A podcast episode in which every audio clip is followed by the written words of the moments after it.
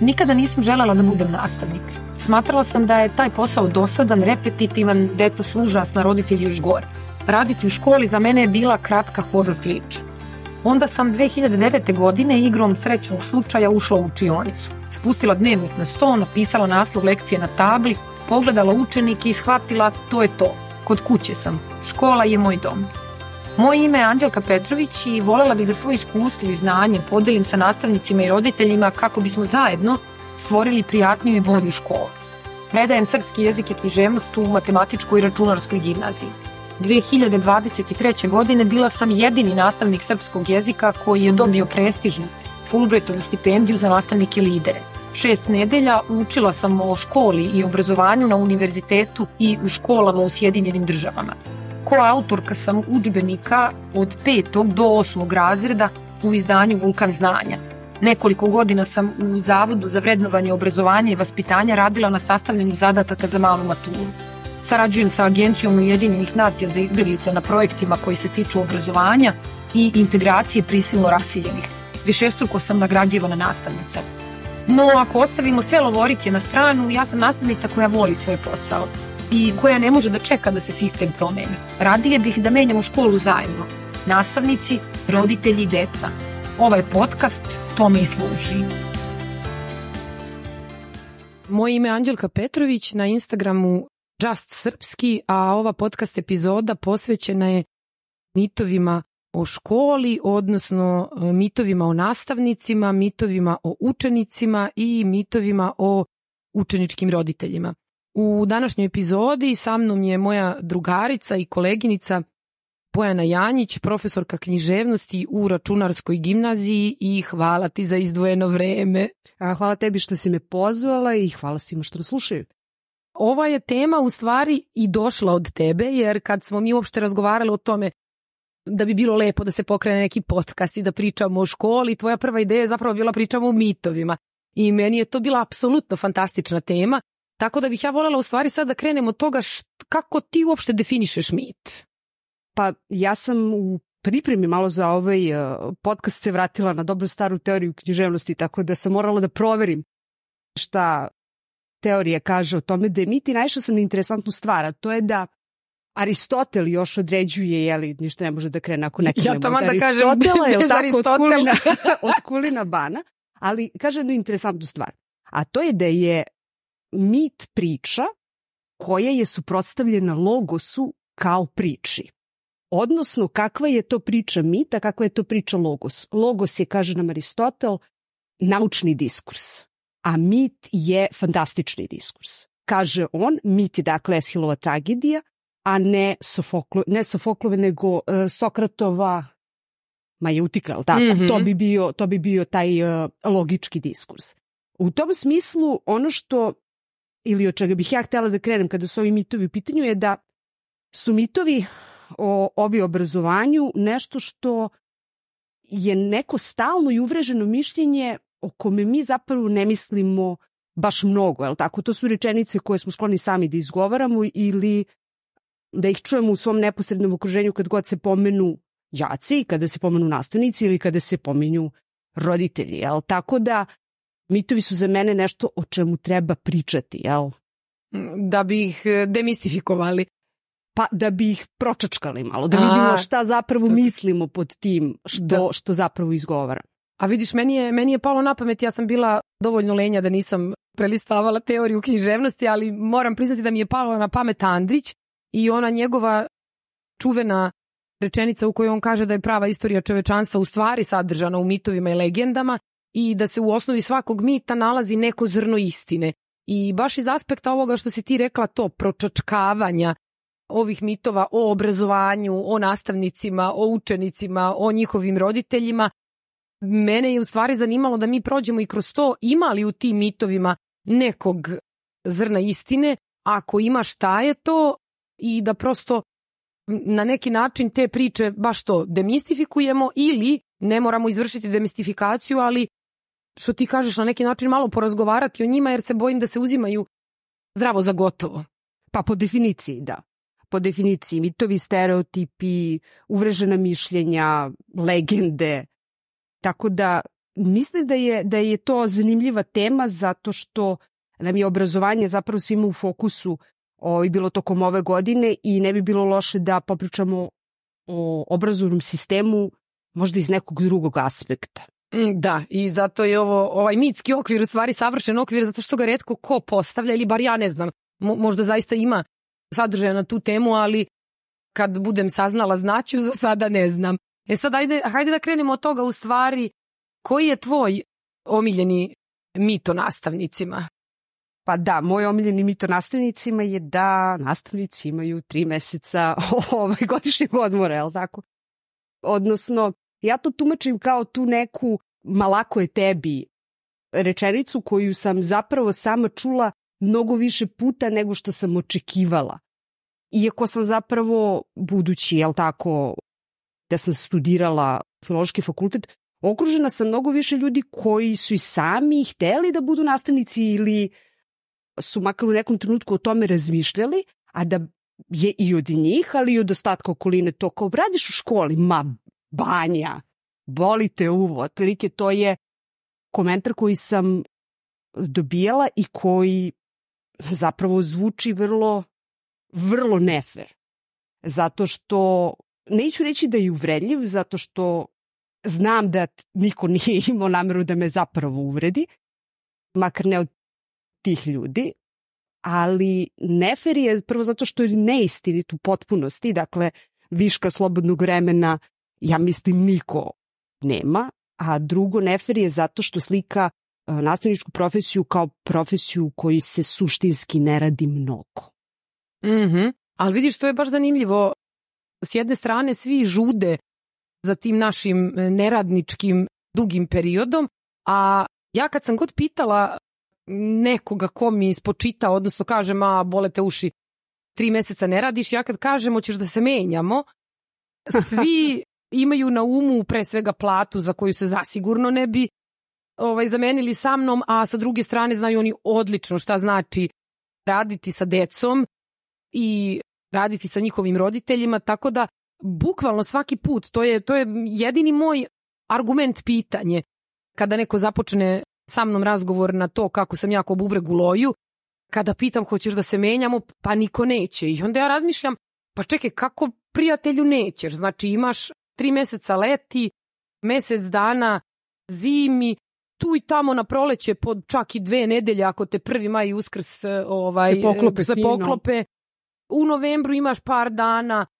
Milina Božja banja, znači posao doslovno banja. Ali kad ti se ponudi da radiš taj posao ne bi li sam iskusio dobrobiti banjskog posla, ti nećeš. Onda je moje pitanje zašto? Pa, mislim, zašto? Zato što je lako gledati nekog drugog kako mu je lako na poslu.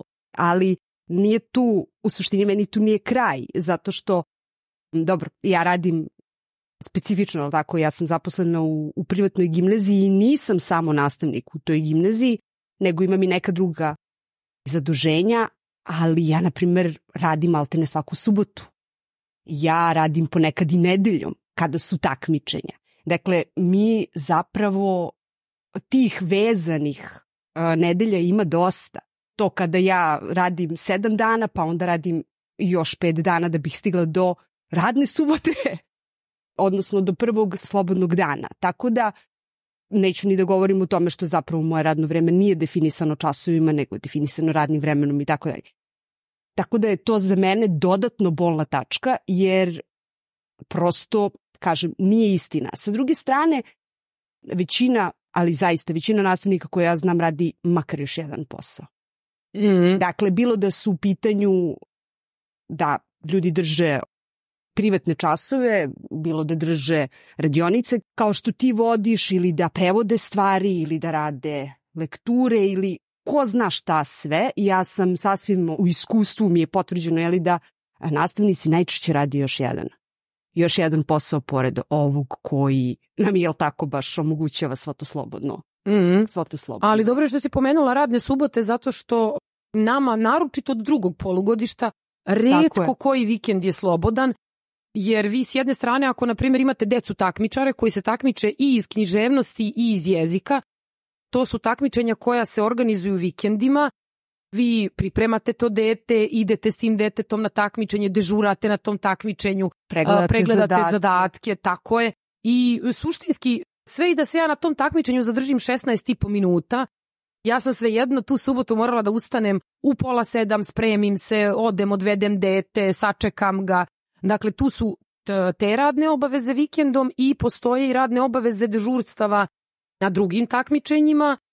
Da. I ti i ja dolazimo iz takmičarskih škola Da. i tu se ne postavlja pitanje da li ti hoćeš ili nećeš da dežuraš. Ti si prosto radna snaga koja je angažovana Tako je. vikendom kada je takmičenje iz matematike, iz fizike, iz programiranja u slučaju računarske Jeste, gimnazije, tako da tih radnih vikenda ima gomilu, a onda dolaze i posebne obaveze koje imaju nastavnici koji rade s maturantima, posebno male maturante koje ti moraš da ispratiš tamo negde do sredine jula dok se oni poupisuju u srednje škole, tako da ta romantična ideja o banjskome poslu je apsolutno fantastična i postoji još jedna stvar o kojoj smo ti i ja pričale, a to je da neko ko radi od 9 do 5, on kada dođe svojoj kući, pretpostavljam, pretpostavljam vrlo redko donosi svoj posao.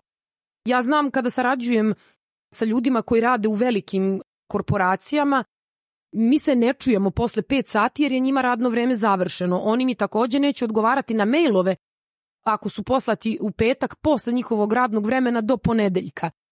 A to Ne funkcioniše. to ne funkcioniše i to što sam ja završila, na primjer, nastavu danas u podne, to ne znači da sam ja sad otišla na Adu da obiđem dva kruga biciklom, a posle da sedim sa drugaricom u kafiću, nego ti moraš da se pripremiš za naredni dan, da pregledaš kontrole, da spremiš materijale, tako da u tom smislu donošenje posla kući je, ja mislim, za ukućane nastavnika vrlo iritantno. Pa jeste. Najčešće za mene pregledanje zadataka. To je ono što ne, ne mogu da, apsolutno ne mogu da postignem. Da, da uradim na poslu. Što se tiče tog odgovaranja na mailove i sve to, ja pretpostavljam da da se ne ljute ovi drugi ljudi. Znam da ovaj, razni, razne profesije trenutno trpe strašne pritiske i u tom smislu čak i nekog ono, maltene mobinga, toga da moraš da budeš stalno dostupan i, i da se stalno javljaš na telefon i mailovi i odgovaranje na mailove. Dakle, ne bih, ne bih ulazila u to, ali ja ne mogu, ako mene neki roditelj zove, ja ne mogu baš njemu da se ne javim. Mogu da mu se ne javim, ali ja mislim da ja neću živeti od sebe same. Dakle, dok ne vidimo čemu se radi. Pa makar to bilo nešto u smislu neće moći da dođe sutra ili ne znam, razboleli smo se ili bilo šta da je u pitanju, ja nekako roditeljima moram da se moram da se javim. U tom smislu mislim da ako se čvrsto dogovorimo sa decom i roditeljima da nećemo da odgovaramo na mailove van našeg radnog vremena, i ako definišemo to radno vreme, da oni onda imaju, imaju neki stepen tolerancije, tolerancije prema tome i onda to može. Ali prosto kada predeš, ne znam, 3-4 odeljenja, deca posebno nemaju nikakav filtr za to. I onda se dešava da ti stigne mail u 12, u 11 ili u 12. Noću. Da, da, u 11 ili 12 noću sa onom varijantom jao nastavnice, jel biste mogli da odložite kontrolni sutra? I ako ti ne vidiš taj mail ili previdiš taj mail ili nećeš da odgovoriš na njega namerno, onda ti nikad ne odgovaraš na učeničke mailove. Da, da, ta, te kategorije nikad i uvek, to su, to su omiljene, to je u, u, u Mi smo učeničkom u njemu svetu. pisali, ali eto, nije, nije, nije hteo da nam odgovori. Pa kad smo mu pisali, pa sinoć. Da, da. I to nije nešto što, mislim, nama đaci to nikad neće reći, neće reći to nama u lice.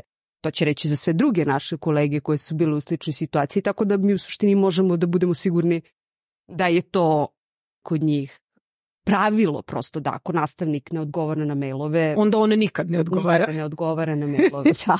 Mada ovaj, moram priznati da sam ja tu zarad e, sopstvenog psihičkog zdravlja a, morala da uvedem pravilo koje ja saopštim e, mojim đacima kad su prvi razred, Mhm, a to je da sa mnom nema komunikacije posle 21 čas. mhm. I smatram da je to sasvim dovoljan dijapazon vremenski koji ja ostavljam i njima i njihovim roditeljima za razgovor i, i mogu da ti kažem da sam prijatno iznenađena koliko oni poštuju to pravilo. Omakne se po nekom prvačiću da mi pošalje poruku u pola deset, deset i onda ja samo na tu poruku odgovorim da li smo mi prenebregli slučajno ono što, što smo se dogovorili i, i oni zaista tu granicu ne prekoračuju i to je ono što ja stalno sebe korigujem da ako ja ne postavim granice pa ko će, Tačno. a, a opet e, meni su granice sa decom vrlo rastegljive, to je opet moj problem, nije njihov problem i što se tiče roditelja ja stalno sebi e, odnosno odgovaranja na pozive, mailove i poruke roditeljima, stalno govorim moram da držim tu svoju granicu, a onda se pretvaram u auto sabotera, jer kažem sebi, pa pazi, da si ti sad poslala poruku tvom lekaru e, Mhm. i da on tebi neće da. Da. odgovori do ponedeljka, ti si ni živa ni mrtva, jer tebi treba odgovor, kao što i taj roditelj uznemiren, I a ja sam- da, ja- da mu odgovori. tako je. A ja sam, ja sam sigurna, sam jedna od 20 žena koja je u tom danu poslala mom lekaru poruku i on mi uvek uredno odgovori. Mhm. Možda ne odgovori u roku od pet minuta, ali u, u sat, dva će odgovoriti. I onda stalno go, ali to su, to su te delatnosti koje se bave ljudima, očigledno, da ti ne, ne možeš da dozvoliš sebi da se isključiš, ne, ne znaš šta je drugo rešenje. ja ga nisam našla, mada stvarno moram da kažem da kako se lepo dogovoriš, mislim, ja makar smatram da sve, sve ovaj, što radim u životu počiva na dobrom dogovoru. Ako se dogovorimo kako svima odgovara da bude, ako se dogovorimo da nećemo da imamo grupu sa roditeljima, a ako se dogovorimo da se ne zivkamo telefonom, ako su mailovi u redu, ako se dogovorimo da mogu da me zovu, ali u slučaju zaista neke krajnje nužde. Kao što i ja, ako je neki problem u pitanju, ja moram da zovem tog roditelja. To pisanje mailova neće funkcionisati ako je meni dete se razbolelo ili ne znam ja, nešto Da. se dogodilo. Ja moram da pozovem tog roditelja. Isto tako očekujem da će mi se on javiti. Tako da moramo da imamo i tu varijantu da se mi ipak tu bavimo nečijom dobrobiti, odnosno nečim zdravljem. To nam je uvek svima prvo na pameti i mislim da e, u tom smislu ne većina, nego ogromna većina ovaj, roditelja nema, nemaju oni ljudi ni potrebu nas nešto sad mnogo da, da ganjaju. Mislim, to je, to je bez veze.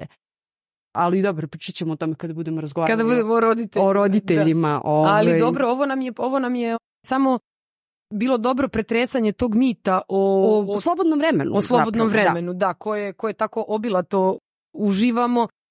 Čini mi se da bismo mi sve to o čemu smo sad pričale lakše podnosile da smo mi, na primjer, baš to, od 9 do 5 u školi. I sad ja ću do 5 sati, šta ću drugo da radim nego da ti se javim na telefon, ali jako sam u sred pregledanja pismenog zadatka. I ti mi pošalješ 20 poruka i tri maila na koje ja moram da odgovorim, pa mislim, o koncentraciji nema reči, a sa druge strane, baš to što ti kažeš, mi se zaista trudimo, ja bar mogu da garantujem za, za tebe i za mene, jer to je ono što znam, da, da imamo u vidu dobrobit tog deteta. Dobrobit tog deteta znači pre svega komunikacija sa detetom i sa roditeljem i ti si u pravu. Kada je ta komunikacija na dobrim temeljima, onda ona nije preintenzivna i nije nesavladiva. Postoje naravno i ti oblici komunikacije, ali što reka ti, to ćemo, to ćemo kad To dođemo ćemo do kasnije. roditelja. Da, da, da. da, da. Ovaj, a šta je sa tobom? Ovo je bio moj omiljeni ovaj mit. Šta je tvoj omiljeni? Moj omiljeni, moj omiljeni mit je moj trigger, to je, to je Aha. ono da ja podivljam. Zato što za ovo tri mjeseca ne radiš to, ono kao, va, ne mogu ni da se objašnjavam, ali moj omiljeni mit je mit da je to u stvari posao za ženu, da je Aha. nastavnički posao posao za ženu i on onda podrazumeva nekoliko podtema.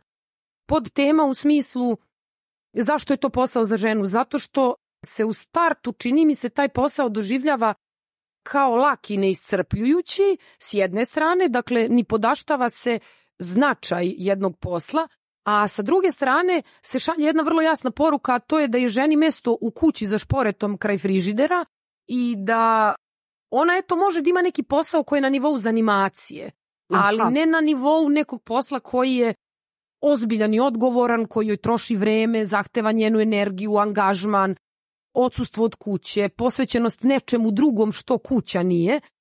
Tako da baš kad sam razmišljala o tome zašto me to toliko ovaj Mhm. trigeruje, shvatila sam u stvari da se cela tema račva u dva pravca. S jedne strane, ni podaštavanje značaja jednog posla a sa druge strane slanje poruke da je za ženu posao eto da se zabavlja da joj ne bude dosadno u životu otprilike ono kao da se lepo da ima da, da se lepo obuče našminka i ode ali suštinski nema ona neku vrhunsku odgovornost niti bi to nju trebalo preterano da odvaja od onoga što je njen primarni posao, njen primarni posao je kuća, tako da sad sam se razbesnila, evo za Ove, ne, interesantno je zato što ja, kada si ti prvi put rekla da je to nešto što si sa čime si se ti susrela, ja se, na primjer, nisam.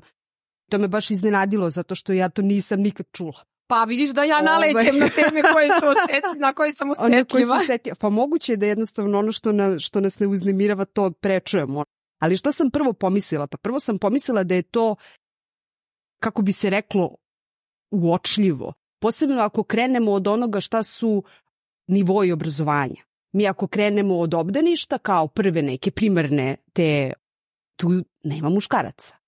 Makar ja ne znam ako ima neko, što bi ovi rekli sad u ovim podcastima, neka nam pišu u komentarima, ako, ako ima muškog vaspitača, zato što bi mene stvarno interesovalo, ne da vidim kako to izgleda, kao sad idemo u cirkus da vidimo ovaj, muškarca kako se bavi decom, ne. Nego ja stvarno mislim da je to veoma velika redkost. Ista stvar mislim da je i kada je u pitanju odnos snaga između učitelja i učiteljica u školama u, od prvog do četvrtog razreda, a onda već od petog razreda pa i kroz ovaj, gimnaziju, tu već imamo jednu malo ovaj, jasniju podelu. Čini mi se makar da se kao da postoji podela predmeta na ono što su muški i ono što su ženski predmeti. Odnosno, jel tako, žene će češće predavati jezike, češće će predavati umetnost, muzičko, likovno, neopterećujuće, jel da? A muškarci će predavati ozbiljne prirodne predmete, fiziku, hemiju, matematiku, obavezno programiranje tu sada. Međutim, ono što je zanimljivo je da mene moja svakodnevica u tom smislu dezavuiše u potpunosti, jel tako? Zato što je većina nastavnika sa kojima radim su zapravo žene. Mm -hmm. Velika većina njih. Sad nije to nije to apsolutno tako, ali daleko od toga da nema nastavnica koje predaju programiranje, matematiku, svakako ovaj, fantastične, fantastične žene koje poznajemo obe, hemiju, fiziku, dakle nema, to je meni palo na pamet, da tu prosto kao, ne da je sama nastava ili profesura posao za ženu, već da postoje ženskija i muškija jel, opredeljenja u tom, u tom nekom smislu. Ali ne znam, mislim, nije nemoguće da tu ima neke koliko god ja ne volela da to priznavanje ovaj, nekih razlika u tom smislu kao bioloških. Ja zaista ovaj, ne volim to, ali moguće je da, da postoji kulturološki predstav o tome da žena se bolje bavi decom nego što je to, mm -hmm. nego što je to neki muškarac. Jel? To nam je nekako tradicionalno ukorenjeno ili nametnuto, kako želimo da posmatramo stvari, sve zavisi. Da, to, to si upravo ukorenjeno ili nametnuto, jer seća se kad sam pričala sa mojim đacima, oni su sad drugi razred i jedan moj učenik mi je rekao, ali razredna potpuno je normalno da se vi bavite tom profesijom jer ne zna muškarac da proizvede toplinu. I ja sam, ja sam ovaj, samo pomislila kao znači, ono, argument nad argumentima da, da ne da ne ulazimo, odnosno to je bio argument koji je trebao da završi raspravu jer oni znaju da sam ja osetljiva Aha. E, na tu temu, ali ako prenebregnem tu činjenicu, dakle, saglasna sam sa tobom da, da tu postoji ta nit brige i mi zaista dolazimo obe iz konteksta u kome su žene dominantno nastavnice, dakle da. nastavnika je sve manje, ali i opet iz nekog svog ugla koji bi opet moji učenici vrlo rado nazvali feminističkim, ja bih rekla da je nastavnika sve manje u, u profesiji zato što je to profesija koja nema suštinsku moć.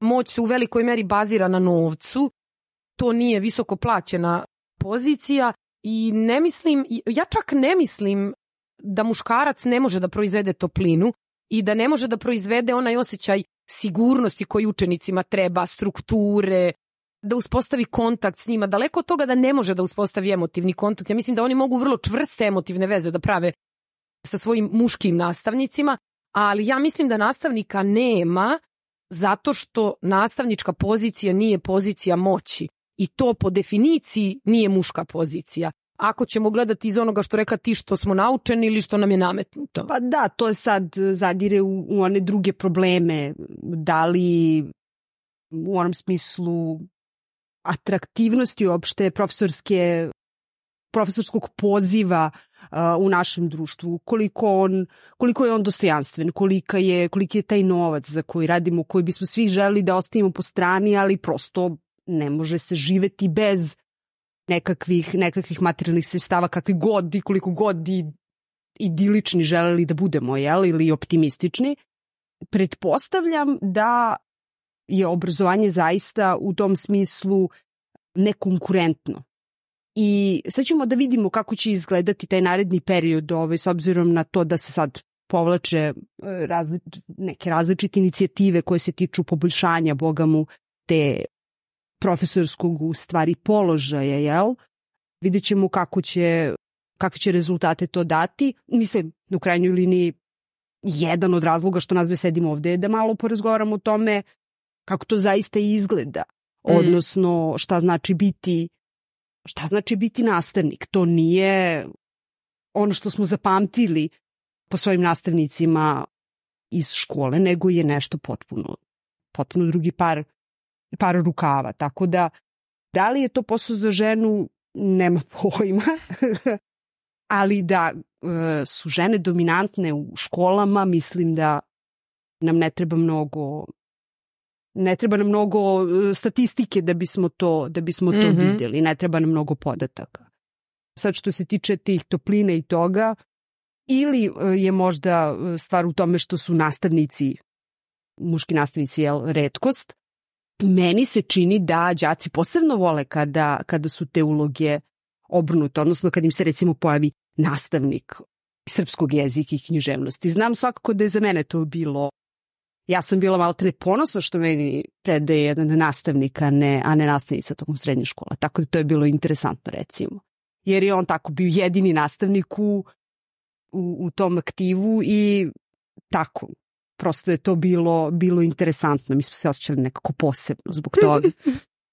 da. Ali dobro, sad, pošto imamo ovde gomilu mitova koje treba da pretresemo, a ovaj, meni je ova tema naročito zanimljiva, pa ne bih mm -hmm. da je e, sa moje strane dodatno širim, ali samo ostaje pitanje, imajući u vidu da je nastavnička profesija profesija koja je lišena svog dostojanstva, koja je slabo plaćena, onda se zaista postavlja pitanje pa zašto je žene rade.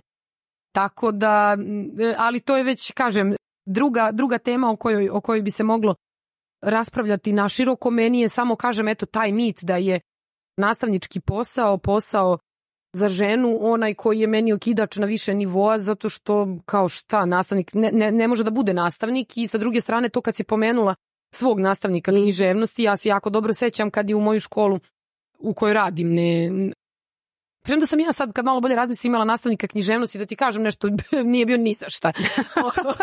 Tako da... da možda to, sam ja samo imala sreću. I, toliko o tome, da. ali moj mladi kolega koji radi sa mnom u matematičkoj je odličan profesor mm. književnosti ali ja nikad neću zaboraviti šok mojih đaka kad je on došao i kada su me saletali po hodniku, jel to stvarno nastavnik književnosti i jel stvarno predaje srpski i jesam ja sigurna da on predaje srpski. Dakle, zato što ono kao ukazao se muški, muški nastavnik, nastavnik tako da, da i, uh, prosto ta, ta vrsta njihove neverice je meni pokazala koliko je to njima čudno, drugačije. Aha.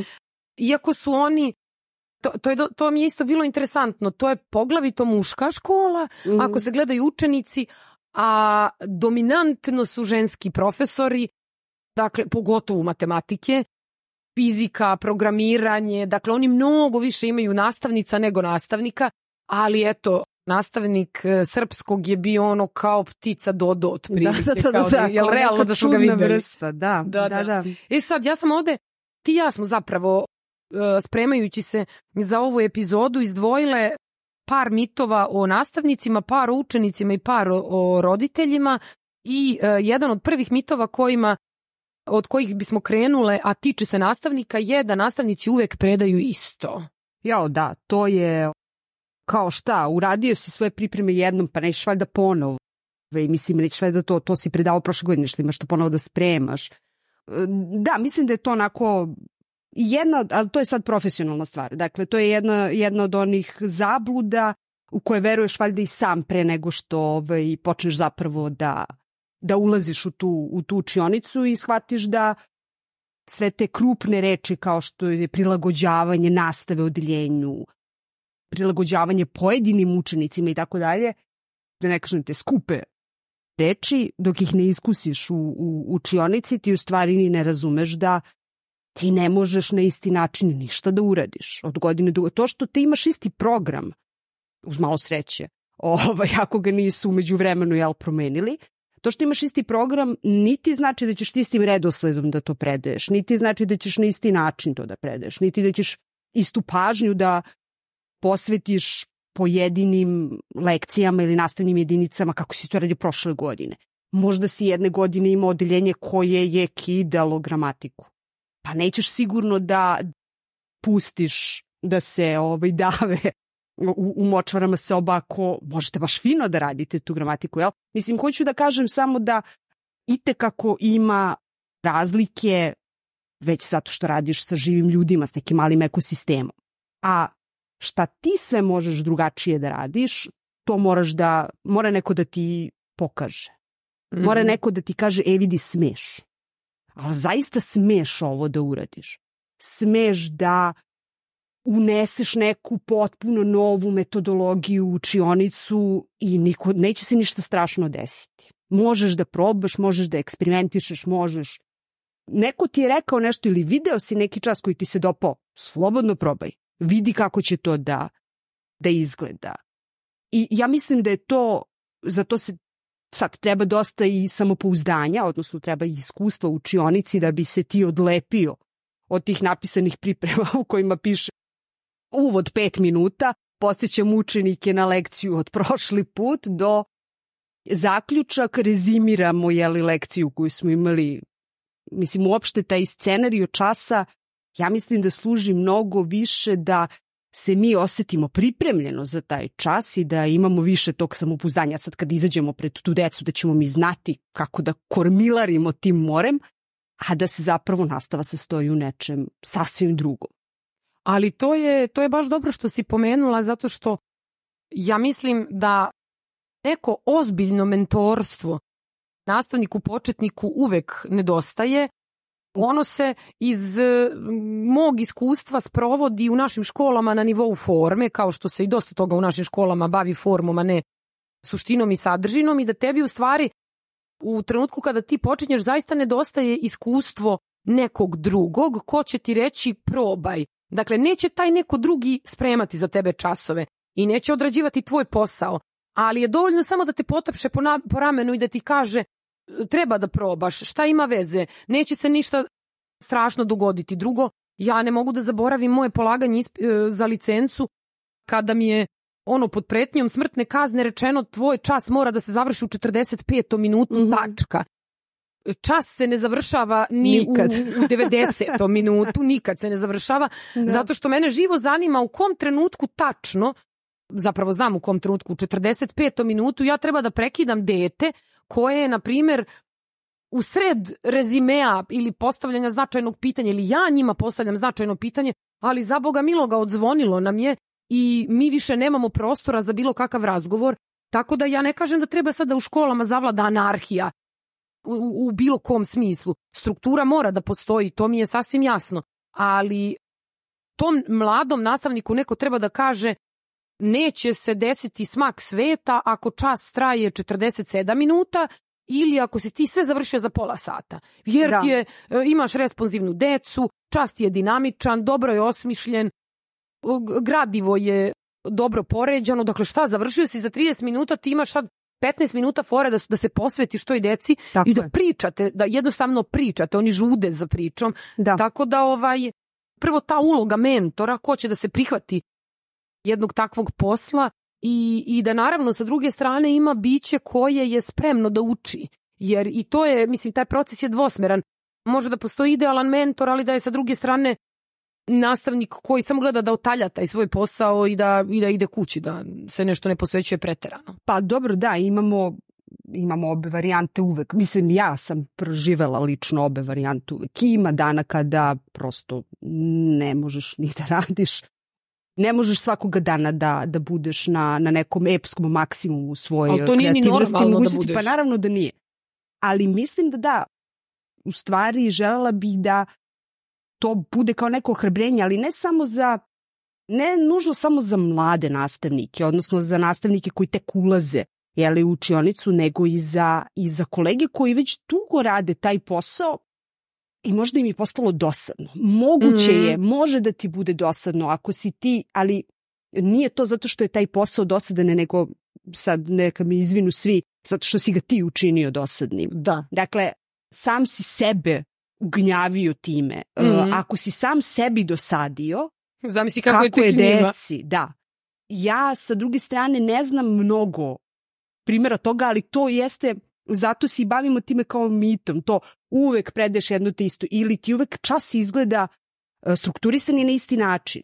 A ja pamtim, pamtim nastavnike koji su bili takvi iz, iz svoje srednje škole. Pamtim recimo jednu profesorku biologije koja je diktirala svaki čas. Njoj se čas sastojao iz toga da ona uđe u kakvi, kakvi učbenici to nije, nije se važilo, ni za šta ne znam da li smo ih uopšte i kupovali.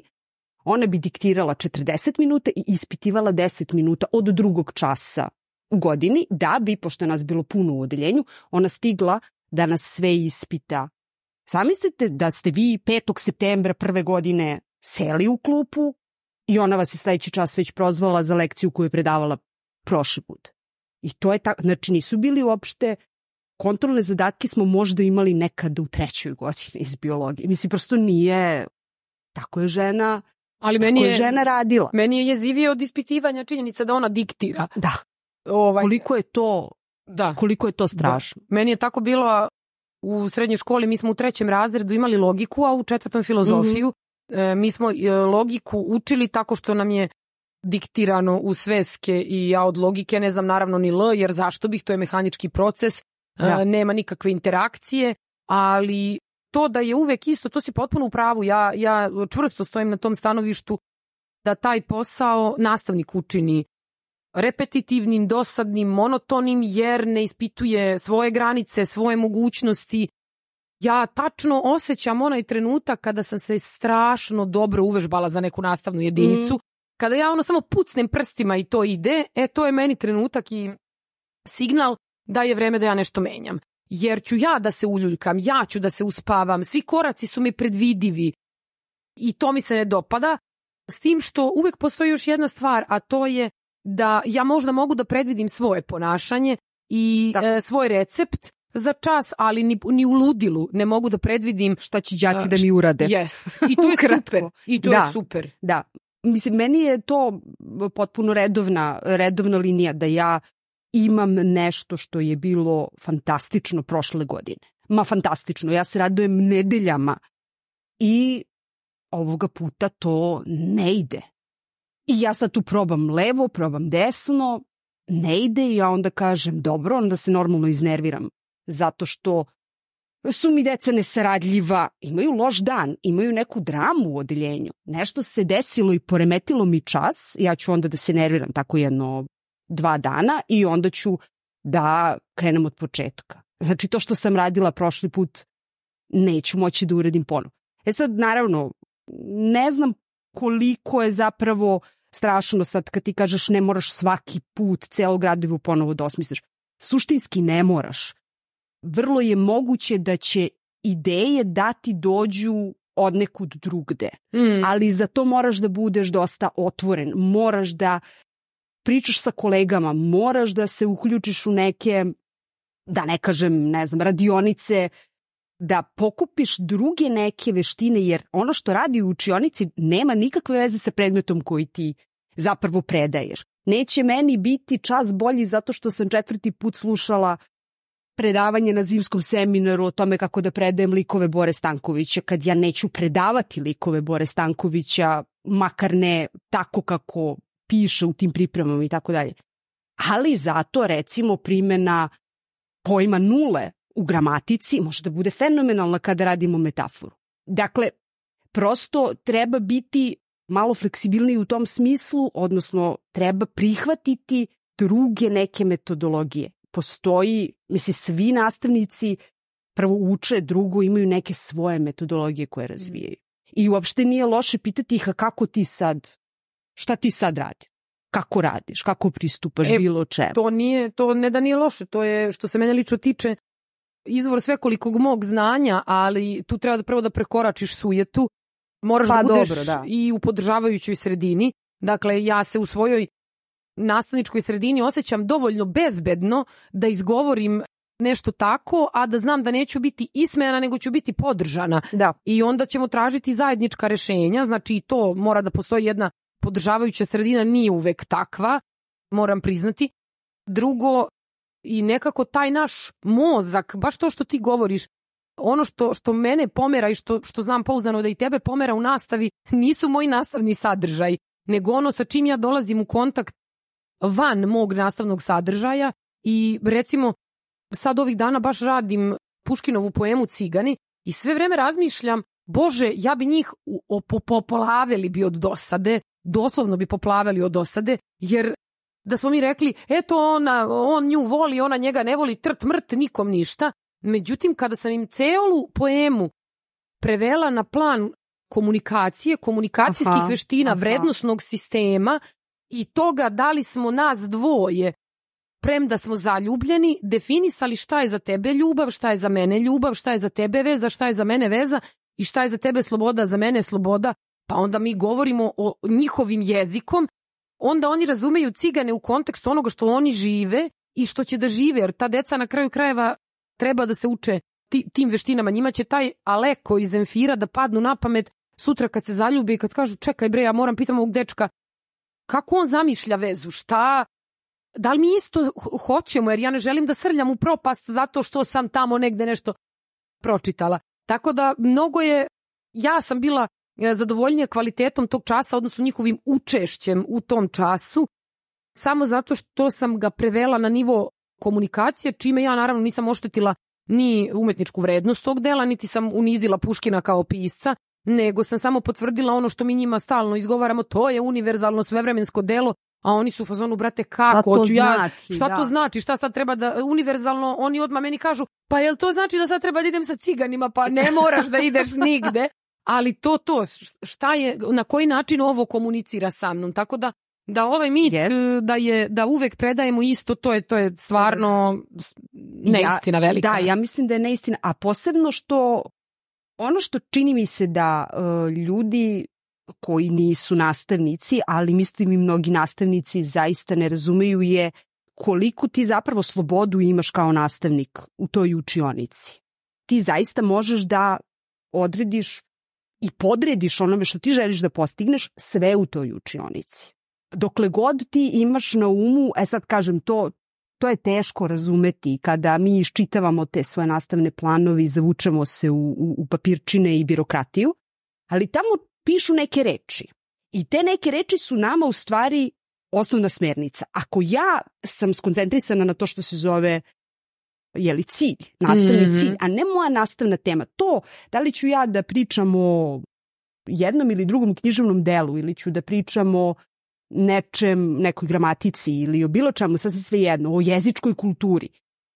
Dokle god ja imam te e, nadređene ciljeve kao svoju svrhu, ja neću promašiti temu tog časa, a mislim da se ti ciljevi nastavni prepisuju onako. Dakle, mi, makar sam ja često padala u tu dilemu, mada ok, možda ovo sad priča za, neku, za neki drugi podcast, o tom bi zaista mogli mnogo da pričamo. Koliko je tebi zapravo veštine potrebno da ti interpretiraš sobstveni nastavni plan i program. Mm. Čemu je on zapravo zapravo posvećen? Što je to tako što se sad ovo čita? A to je prva stvar koju će mene deca da pitaju. Prva stvar kad ja uđem u učionicu, a šta će meni ovo? Da. I ja, ako... ako Kao mi kažemo, baš je lepo. Ako tu zanemo, ali to je ozbiljan problem. Yes. Ja ako tu zanemoćam, nadrljali smo. Da. Zato što onda izgleda kao da ni ja ne znam zašto radim taj posao koji radim, zašto smo mi uopšte, onda bismo mogli da idemo napolje da sadimo krompir lepo i da na proleće imamo šta da iskopamo iz zemlje. Dakle, prosto zašto radimo to što radimo, to je ona vrhunska, vrhunska vrednost. A nju zapravo kreira nastavnik. I to je, ja mislim, najkreativniji aspekt posla. Kako ćeš ti da okreneš taj čas na glavce. Mislim, e, čini mi se da književnost makar e, pruža mnogo mnogo kreativnih načina i nastupa. Sve može da se uradi kroz književnost. Nisam sigurna da li sve može da se uradi kroz jednačine, nemam pojma, to o tome nisam ovaj, razmišljala, ali sigurna sam da bilo šta što pokupimo usput ili iz našeg ličnog iskustva, kako mi učimo, ka, šta mi radimo, kako smo se mi osjećali u toj učionici, sve nam to koristi da napravimo čast koji će da bude bombonica.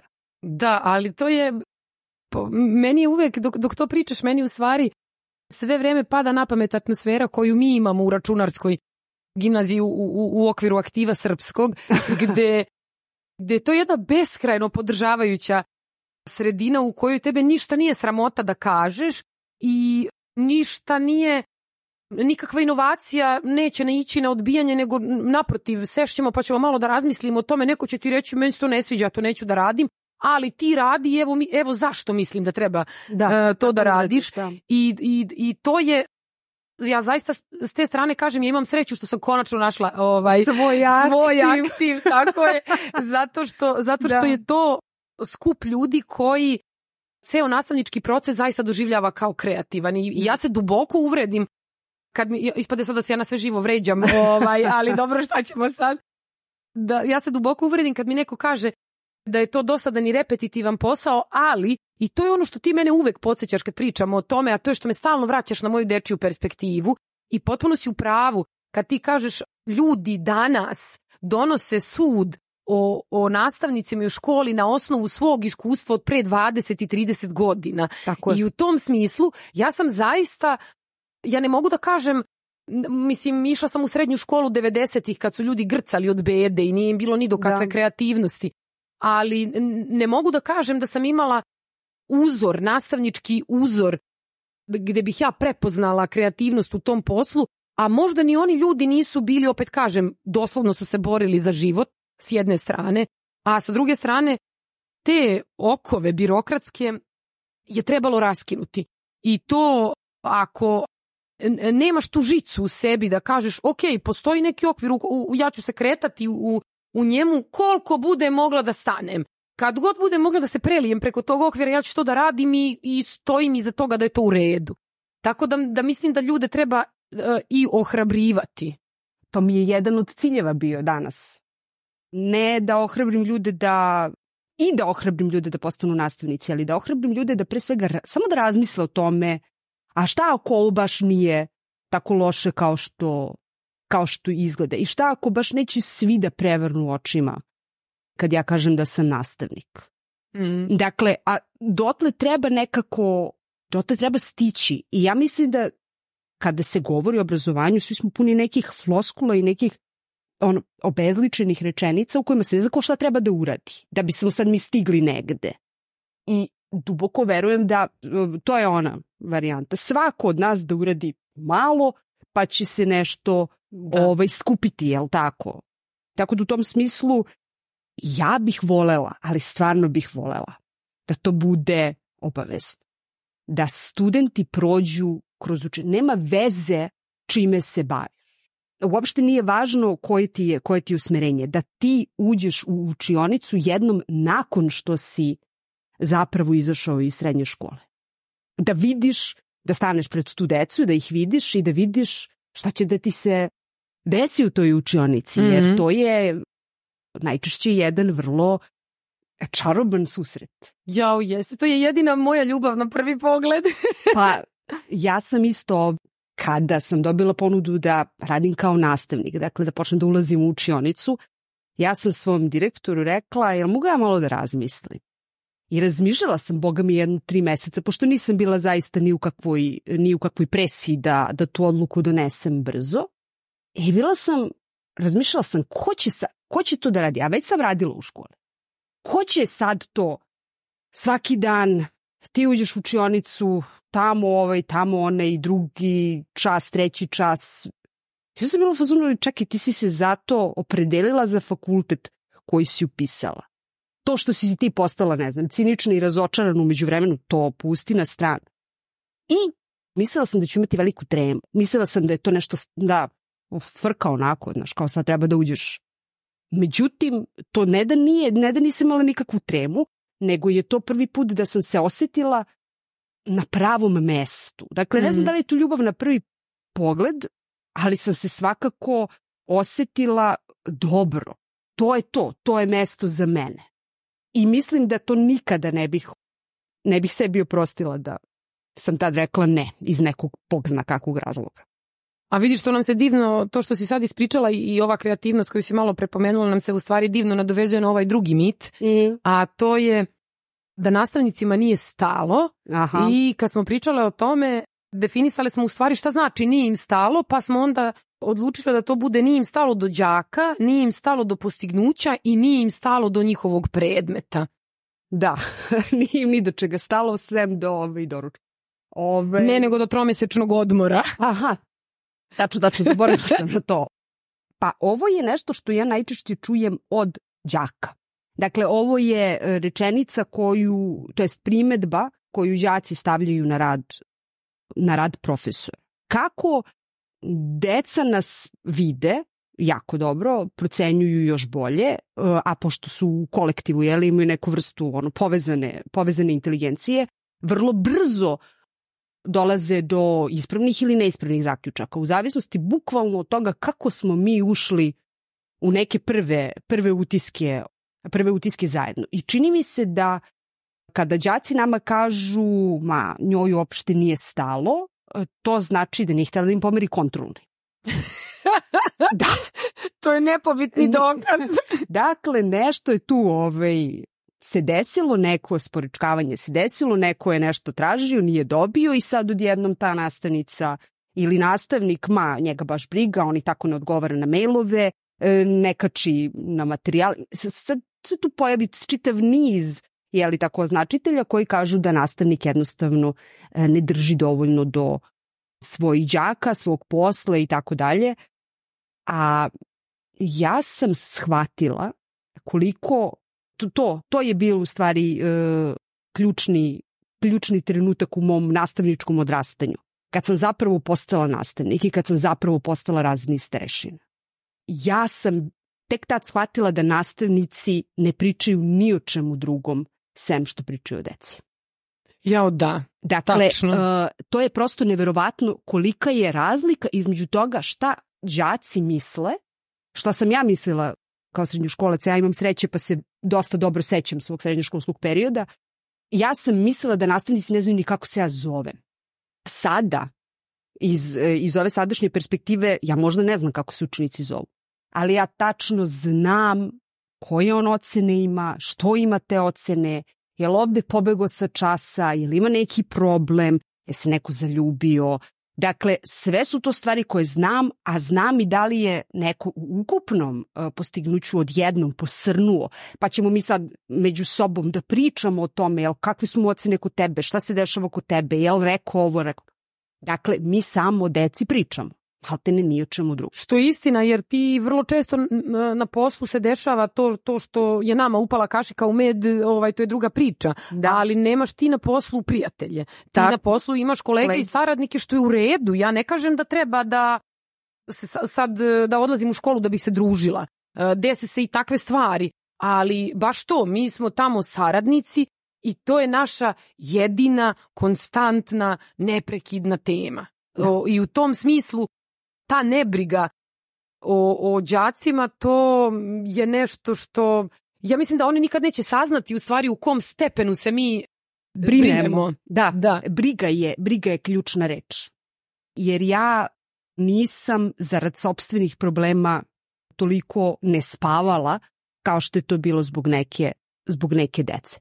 I sad, ima kolega koji će da mi kažu da to nije normalno i da je ta vrsta to je zamka u koju možemo ovaj, relativno lako da upadnemo, jel? Da brinemo o, o svojim đacima na taj način. On, on verovatno nije kako bi se reklo, ne bi trebalo da je tako. Naš posao to ne obuhvata. Ali šta drugo možemo da uradimo ako imamo neko dete koje pati? Mm. Iz bilo kog razloga. Dakle, sad uopšte nije, nije važno. Da li ćemo zaista, odnosno koliko smo mi pa stabilni ili sposobni da se ogradimo, odnosno da nas to ne dotiče na neki način. Jer ja mislim da je rad sa decom uvek ličan. Mm. Dakle, nema tu ničeg nema tu ničeg bezličnog i ja se od toga nikad nisam nikad se nisam sklanjala od toga. U tom smislu, ako je nešto mi bilo šokantno, to je to da nastavnicima nije stalo, to je koliko je zapravo... Na... Jer ne radi se samo o meni, to je zbornica. Mm. Dakle, to je situacija u zbornici da ako mi imamo neki problem sa nekim konkretnim đakom, da ćemo mi svi u zbornici koji mu predajemo ili smo ga samo videli na hodniku, razgovarati o njemu. I to nije u okviru nastavničkih, nastavničkih veća gde smo, jel tako, u nekoj vrsti obaveze da malo prokomentarišemo šta se dešava, nego su to svakodnevni problemi, kako je ovo, kako je ovo, se desilo ovo, se desilo ono, nešto priča oko tebe, nešto. Mm. Mislim da je to važno je da, da, nas, da nas čuju đaci.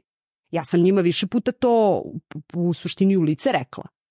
Kad oni meni kažu, ma šta, njega nije briga, nju nije briga, oni ovako, oni onako, da to zapravo kako se nastavnici ponašaju, ali to je teško, nema uvek veze sa time šta učenici zapravo rade, da su nastavnici isto neka živa bića, Mm. pa boga mu ove, imaju pravo da imaju loš dan i sve. Tako da, u suštini, taj mi je bio šokantan. Ovaj za, za tri meseca odmora, on me pogađa, on mi je uvredljiv, ali a, ovaj mi je bio, bio vrlo neobičan kad sam u stvari shvatila Mm. e, ja na svom primjeru koliko je netačno to.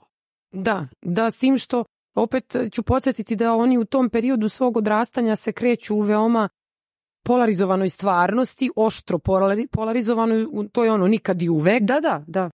I ja sam vrlo svesna da ma koliko mi njima bili posvećeni, onog trenutka kada izgovorimo prvo ne, tog trenutka mi smo u kategoriji nikad. E, Da. I, i da to je... trenutka si neprijatelj. Da, bukvalno si tog trenutka neprijatelji, ako smo mi do, do, do tog trenutka sarađivali, razgovarali, odlazili u bioskope zajedno, pozorišta, muzeje, e, futbalske utakmice, a onda sam ja donela odluku e, iz aspekta autoriteta koja je glasila ne na neku njihovu nebulozu, e onda već ja nisam baš, kako bih rekla, osoba koja pruža ljubav, e, toplinu i šta već onih sve hoće od nastavnika. Ali e, postoji tu još jedna stvar kada govorimo o tome da im nije stalo. Mislim da oni e, jako dobro osete i to je ono što si ti rekla na početku, da oni jako dobro osete i prepoznaju kod nastavnika strast prema predavačkom poslu i odsustvo te strasti. Tako da bi se pod to nije im stalo moglo podvesti to kako oni doživljavaju predavača, gde, gde oni jako dobro prepoznaju nekoga ko živi tu svoju nauku i onda, na primjer, meni se dešavalo da oni meni kažu ja nastavnice, ja uopšte ne volim fiziku, ali nastavnik se izvrne na opačke na času, Mhm. donese nam hiljadu radova, gledali smo ovo, gledali smo ono, i ta devojčica meni je baš rekao, ona kaže, meni i dalje fizika ne zanima, ali ja ne mogu da ne vidim šta on sve radi za nas da bi nam se taj predmet dopao i onda ako ništa drugo oni poštuju njegov trud, ne moraju nužno da vole predmet, ali isto tako mogu da budu vrlo dobri detektori odsustva te energije predavačke, gde se mi onda vraćamo malo i na ono malo pre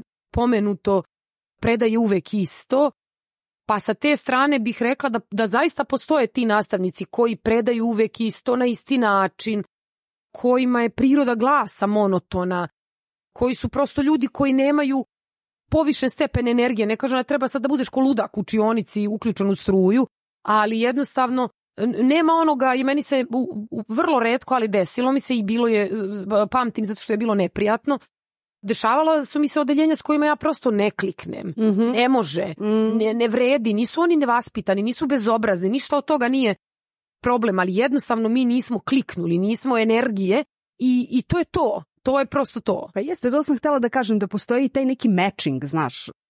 Bukvalno ja sam uh, u prilici da, da manje više prođem kroz sva odeljenja u gimnaziji, iako im ne predajem. I znam da postoje odeljenja sa kojima je meni uvek dobro. Znači, nije, nije uopšte važno šta ćemo tačno da radimo. I sad, mogu ta odeljenja biti vrlo disciplinovana i fina u onom smislu u kome su oni radni, raspoloženi i sve im je super. A mogu da budu i potpuno raspojasani, posebno što je ako sam ja ušla, ne predajem im, to je obično neka zamena, boli ih uvo. Mm. Ali ćemo mi opet e, nešto uraditi, odnosno uradit ćemo više nego što bih se ja nadala e, na prvu loptu. To u suštini znači da je to, to je neki matching. Kako smo se mi poklopili i jeste u energiji i u ambiciji.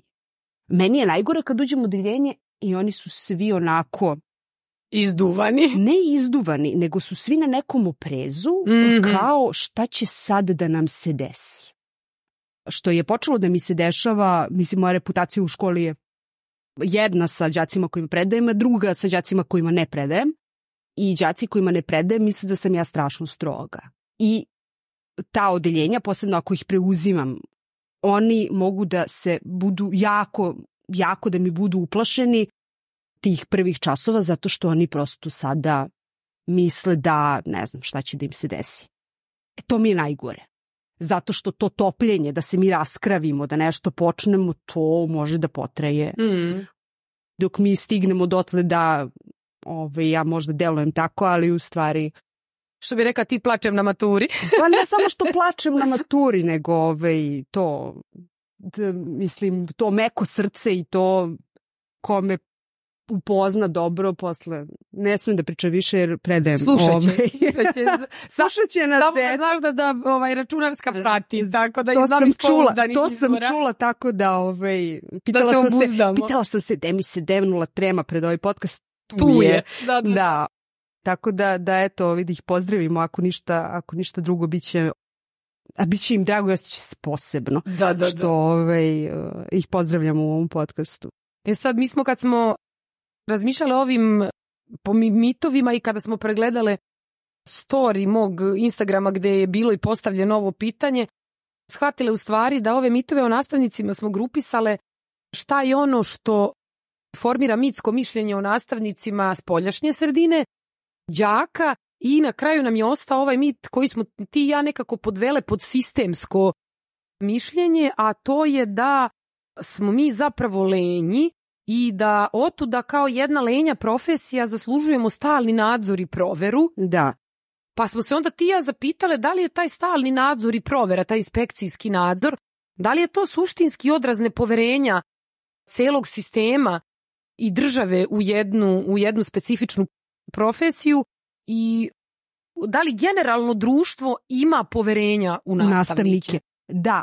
Ja, nažalost, e, pošto to je više pitanje nego što je... To je neki zaključak koji se može izvesti, ali mene bi zaista zanimalo da li roditelji veruju nastavnicima. Kada, da ne kažem, pošalju svoje, svoje dete u školu. Da li oni veruju? I nisam sigurna koju meri ćemo dobiti neki visoko pozitivan odgovor na, na, na to. A što se tiče odnosa sistema prema, prema nastavnicima, odnosno sistema obrazovnog sistema u Srbiji i nastavnika koji radi u nekoj pojedinoj, pojedinoj školi, tu je situacija vrlo, vrlo opresivna. U onom smislu u kome je komunikacija uvek jednostrana, u kome mi ne možemo zapravo da dovedemo u pitanje bilo koju odluku koja nam je nametnuta s polja, već se moramo držati tako kako je ona napisana. Dakle, tu nema zaista nema, ne samo što nema dijaloga, nema prostora za disanje. Mm. Dakle, nemamo nikakvu, nikakvu mogućnost da se prilagodimo, preispitamo, da kažemo dobro, može ovo se desi za tri meseca, možemo od sledeće školske godine. Ne, to mora da se desi sada. E, mislim da je po, poslednji ovaj pravilnik sada donet. Mm -hmm. Te izmene pravilnika o ocenjivanju da. ja nisam ovaj, ulazila da gledam što, o čemu se tu zapravo radi. Nisam imala ovaj, baš mnogo strpljenja za to, ali i on se desio u sred radne nedelje. Mm. Mislim, prosto kao da ti je neko došao i upali ugasio svetlo i sad kao prilagodi. Jel to znači da ja moram i unazad da idem? Da moram unazad da se prilagođavam ili mogu od ponedeljka? Mislim, prosto to je. Druga stvar, inspekcijski nadzori dolaze po različitim osnovama od redovnih, vanrednih, eksternih inspekcija da nam prevrnu sve. I mi u tom prevrtanju svega, ne znamo je li šta će, šta će ta inspekcija od nas zapravo tražiti, koji tačno papir, pa ih onda imamo sve.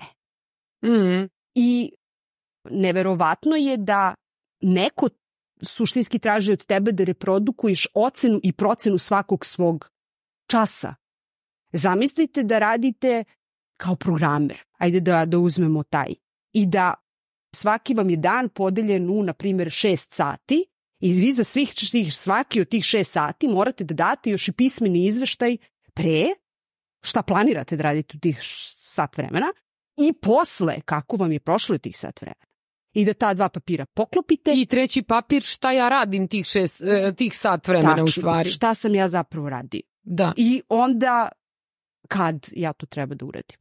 I ono što, što mene posebno iritira u tim proverama je što, što je to sve svedeno na papir. I ako već govorim o dobrobiti deteta, o njegovom obrazovanju i njegovom vaspitanju, to ponajmanje ima veze s tim papirom. I ja se sećam svih tih poseta mojim časovima, uključujući i eksternu inspekciju, gde sam ja dobila najvišu moguću ocenu, ali sam ja sigurna da ta moja najviša moguća ocena ne bi bila ni blizu te da ona nije bila i papirološki pokrivena. I to je ono što, što mene strašno nervira, jer ti ako si maher da, da sređuješ papire, da sređuješ Ti nemaš e, nikad admi- problem. Ti si najbolji nastavnik na svetu, a časovi mogu da budu dosada dosade, znači... Znači, mogu i da se ne održe. Da, Iskreno. da. Taj čas može da bude potpuno proveden u gledanju neke utakmice. Ako sam ja dobro dokumentovala taj svoj čas, ko će da proveri? Da. Mislim, bez veze je što ovo kažem, zato što je... Uh, Ali nije bez veze, to je istina. Ne, ne, hoću da kažem, to je ekstremni primer Da. e, toga šta, e, na šta nas vodi zapravo to vođenje beležaka koje se zahteva.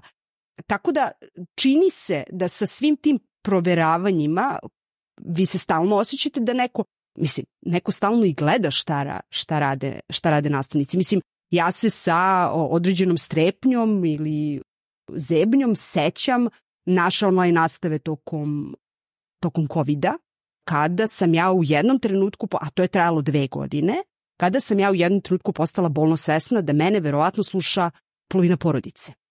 Ok, čas nije privatan, ali nije ni javan na taj način. Mm. Dakle, da meni dođe đak i da mi kaže mama me pitala da ponovite koju ste onu knjigu preporučili. I sad to je najlepši mogući kompliment koji ja mogu da dobijem. Ali kako on mene obogalji u radu sa decom, ako ja sada zamišljam iza svakog deteta po još jednog roditelja dovoljno. Mm. Dakle, a oni nas ne vide pritom. Da. Oni nas samo čuju i ja ako se izderem na nekog đaka, taj đak se možda ne čuje na mom centralnom mikrofonu i ja se sad tu derem ko neka veštičara bez razloga. Mm. Šta ako opsuje? Da. Dešava se. Mislim, prosto ima tako nekih situacija koje su potpuno u učionici, reći ću prirodne, nisu dobre, nemojte psujete na časovima, normalno. Ali prirodno je da kažete nešto ili da otegnete ono jedno je ili nešto, zato što će to da učini vaš čas spontanijim, zato što sam ja e, opuštenija deca, isto tako oni psuju na časovima, nećemo da se, da se ovaj, u tom smislu zavaravamo, nisu oni toliko u kontroli, tako da takva vrsta poverenja ili nepoverenja je ono što mi moramo da menjamo.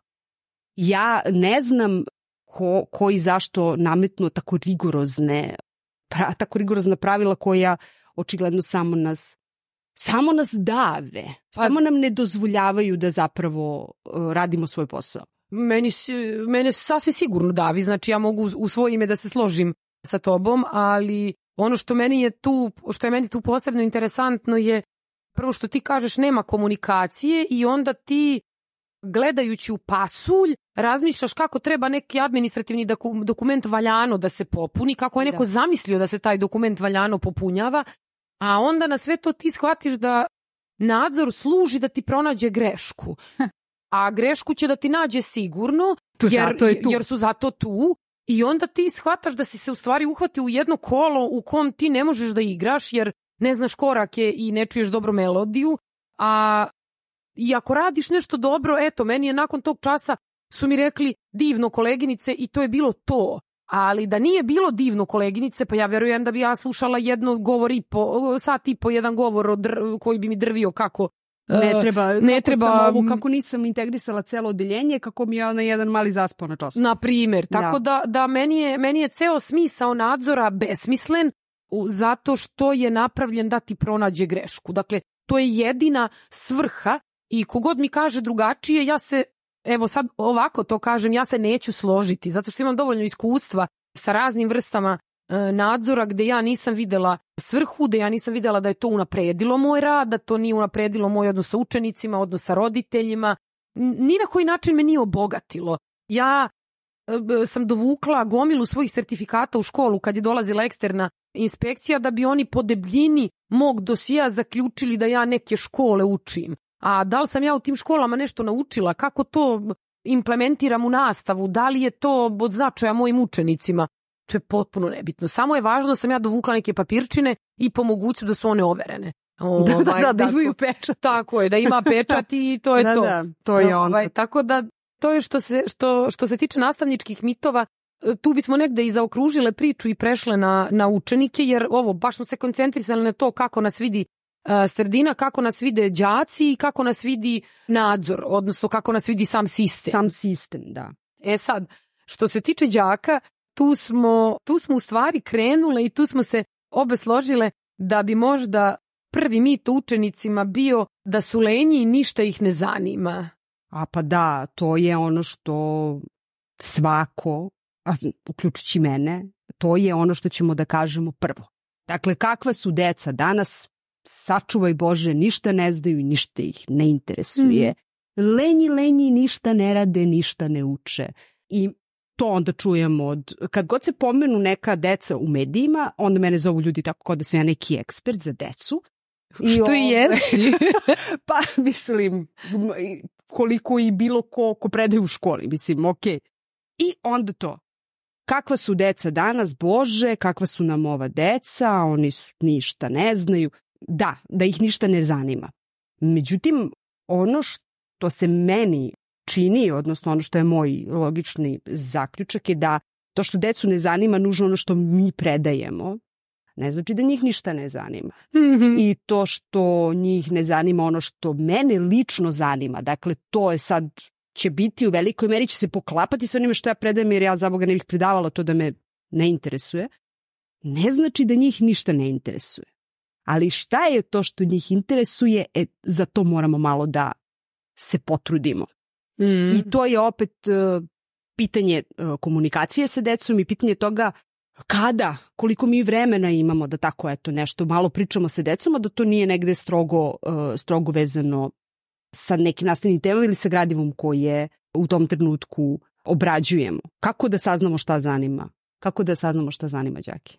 Da, to, to, si, to si potpuno u pravu zato što tu nam je, gle čuda, slično stanovište, jer prvo odsustvo napora da razumem šta ih interesuje i to lič, ništa ih ne zanima. Ja radim u dve vrlo specifične škole u kojoj decu po definiciji ne bi trebao da zanima predmet koji ja predajem, pa ih zanima i to ih zanima prilično, a sa druge strane to kao e, ništa ih ne zanima, ja kad na primjer ih pitam kad im kažem treba kupim nov telefon, ali ja tu u telefonima zaista ne znam ništa, osim da mi treba dobra kamera. Ja sam u, u 15 minuta skupila više informacija, kvalitetnih informacija i brzih informacija, informacija složenih tako da ja mogu da ih prihvatim i razumem, nego da sam dane provela iščitavajući na internetu o pikselima i rečima koje ja ne znam ni šta znači ni kako se izgovaraju, jer su oni meni pomo želeli da pomognu kako da ja dođem do telefona, govoreći rečnikom koji ja razumem, jer oni shvataju da je to naš način komunikacije. Mi moramo jednim drugima da se obraćamo, da se razumemo. S druge strane, oni sve češće donose meni na čas knjige koje oni čitaju, Tako je. zato što hoće da mi pokažu šta je to što oni čitaju. To nije lektira, ali je knjiga Da. koja je pročitana, a vrlo često se desi da su to knjige koje su pročitane u jednom dahu. Da, da, da. Meni je interesantno uvek bilo to ja imam sreće ili ne znam, ne možda to nije, nije dobro tako reći, ja imam sreće. Ja prosto imam e, specifična a, opet interesovanja koje nisu tako daleko od njih. Ja jednako igram igre, ja jednako slušam neku muziku koja bi njima možda mogla da bude bliska. Pratim e, serije i filmove koji njih zanimaju, stripove takođe. U suštini oni su neka mlađa generacija mene u stvari i ja dobro znam ne šta njih zanima, nego znam šta ću da ih pitam. Mhm. I ja ću sa đacima da razgovaram o igrama koje oni igraju. I to će da promeni sve.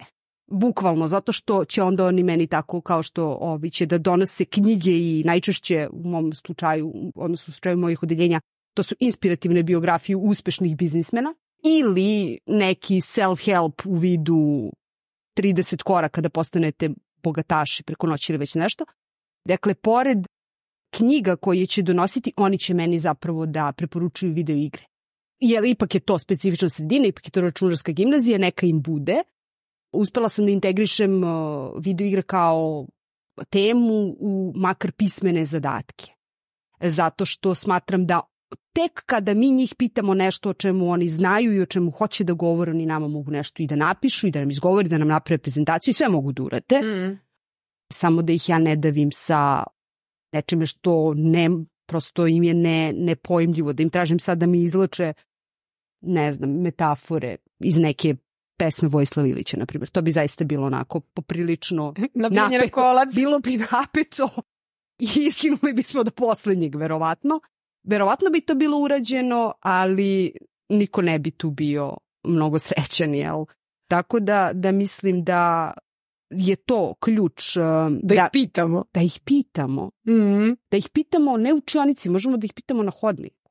Dakle, to uopšte nije, uh, nije zabranjeno. Ali postoji još jedna stvar e, o kojoj smo ti i ja zajedno pričale, a to je, ja bih to nazvala licemerima odraslih, neko može da kaže i zaboravnost odraslih, ali ono o čemu, oko čega smo se ti i ja složile i toliko smo se smejale, je, a šta je pa nas interesovalo u srednjoj školi? Dakle, u srednjoj školi po definiciji treba da te ne interesuje ništa, osim tvog malog skučenog sveta u kome se ti osjećaš prejadno i što bi rekla moja sestra meni kad, i dan danas kad god mi se podsmeva, o, tebi je najgore. To je... Jeste, to je kolektivno najgori, najgori period ovaj, u svačijem životu i vrlo smo jadni i izolovani u svojoj jadnosti. Da me ne svete ova deca sad pogrešno pričamo o sebi. Ali tu postoji još jedna Jest. stvar. Ja ne mislim uopšte da je bilo dobro i da je bilo zdravo to što sam ja kao srednjoškolska, srednjoškolka pratila zasedanje Ujedinjenih nacija u Njujorku jer se određivala sudbina moje zemlje koja je u tom trenutku bila Da. u ratu. Dakle, ja uopšte ne mislim da je to normalno stanje tinejdžerske svesti. Ja ne treba pa do nekih godina da znam da postoje Ujedinjene nacije, da one zasedaju u Njujorku i da odlučuju ne znam nija čemu.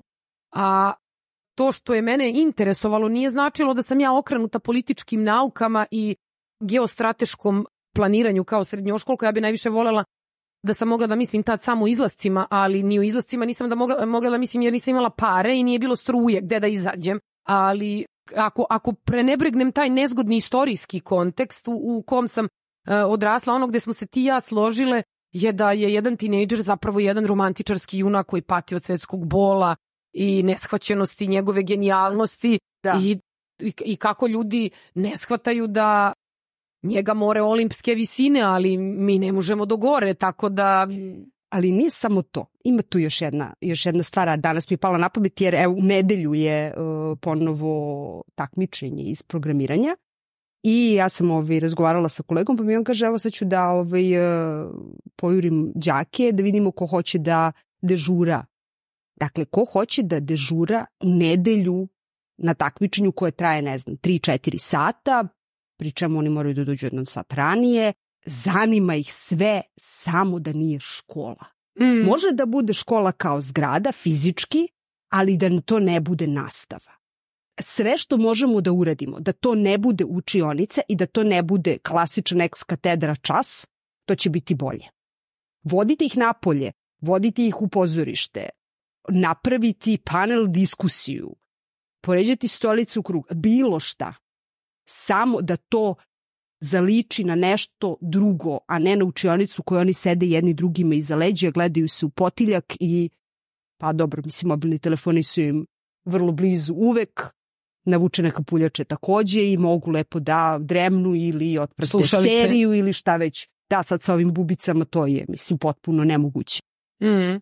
Dakle, čini mi se da je to izvor sve dosade je zapravo učionica. I- ili, ili način na koji je ona ustrojena, jer onog trenutka kada im se to što ti Kada kažeš, se malo promeni sve. o, promeni. tako je. I ja zato volim one zagrevajuće aktivnosti na početku časa gde, gde ih samo prosto nateraš da drugačije sede Da. i, i već imaš drugu atmosferu. Ali e, ta ideja da su lenji, da su nezainteresovani, ja bih samo celu priču rezimirala time što smo ti i ja davno zaklju, zaključile da to što njih ne interesuje ono što mi predajemo ne znači da ih ne interesuje ništa u životu. Tačno. I, I to je prosto to. E sad da vidimo šta nam je drugi. A da, ovo nam je takođe jedan od omiljenih mitova da su deca sve slabija iz generacije u generaciju. Pa dobro, to ja mislim od kad je sveta i veka su nam to je od, jel, Sokrat je kvario omladinu, ako, ako, se, ako se ne varam. Tako da mislim da to da mlađi ne poštuju starije i da su sve loši u svojim postignućima i tako dalje, to je jedan od valjda najstarijih mitova o obrazovanju i o novim generacijama koji uopšte imamo, ali je neverovatno sa kojom se on snagom zapravo pojavljuje Mm. svaki put prvaci, svaki put ljubimo stope ovima što su izašli. A do, ju, a do juče a smo do brojali juče- dane kad će da odu. Juče su to bila odeljenja koje su nam se pela na glavu i, i šta to onda znači? Pa u suštini ne znači ništa, samo da mi imamo neke nove ljude pred sobom i da ih još uvek nismo upoznali, a dok nam oni se dokopaju tamo negde treće, četvrte godine i kad mi počnemo da vidimo kakve će to osobe u stvari postati, pa počnu, pa počnu da nas iznenađuju, pa počnu da e, budu odgovorni, pa odjednom imaju e, niz nekih vanškolskih aktivnosti, pa se uključuju u ovo i u ono i donose pesme o seobama, dotle prođe neko vreme. Ali mislim da je to svaki put, uvek nema, e, neće se desiti ni jedan septembar da u zbornici neko ne kaže ovo je najgore do sada. Da, da, da, da, da, jeste, to je, to je čini mi se najrezilijentniji mit e, koji imamo, a u suštini ono, ono čemu smo ti i ja takođe pričali apropo loših generacija je u stvari da mi treba da prihvatimo ako već nismo, a ako nismo, molila bih da se to učini što pre, da ta deca samo uče na drugačiji način. I ja dobijem blaži nervni slom kad neko ko nema veze sa školom počne da mi objašnjava kako oni treba da kleče na kukuruzu, ustaju kada ja ulazim u čionicu u stroju i ne znam da se šibom rešavaju stvari. Da, da, batina je iz raja izašla, Da. samo to čvršće malo. Tako, i će biće. I onda vi ne znate da uspostavite disciplinu, a u suštini, ako hoću da imam dobru generaciju, ja s njom moram da pričam. Ja moram da se interesujem, moram da budem prisutna, moram da budem posvećena, a ne samo da konstatujem oni nikad nisu bili gori. Mislim, e, samo da, da, da budemo jasni, da ne, ne romantizujemo mi celu stvar. E, ja mislim da nam bar pet puta u toku nedelje dođe da iskočimo iz svoje kože i da pomislimo, bože, zašto ja ovo radim i da li želim sutra da dođem na posao, ali prosto ta svest o tome da je škola drugačija, da je dete drugačije, da su dečije potrebe drugačije, ne znači oni su sve, ja sam gotovo uverena da su za nas svi rekli kad smo bili u školi, Da e, smo najgore generacije najgora ikada. ikad. Da, da.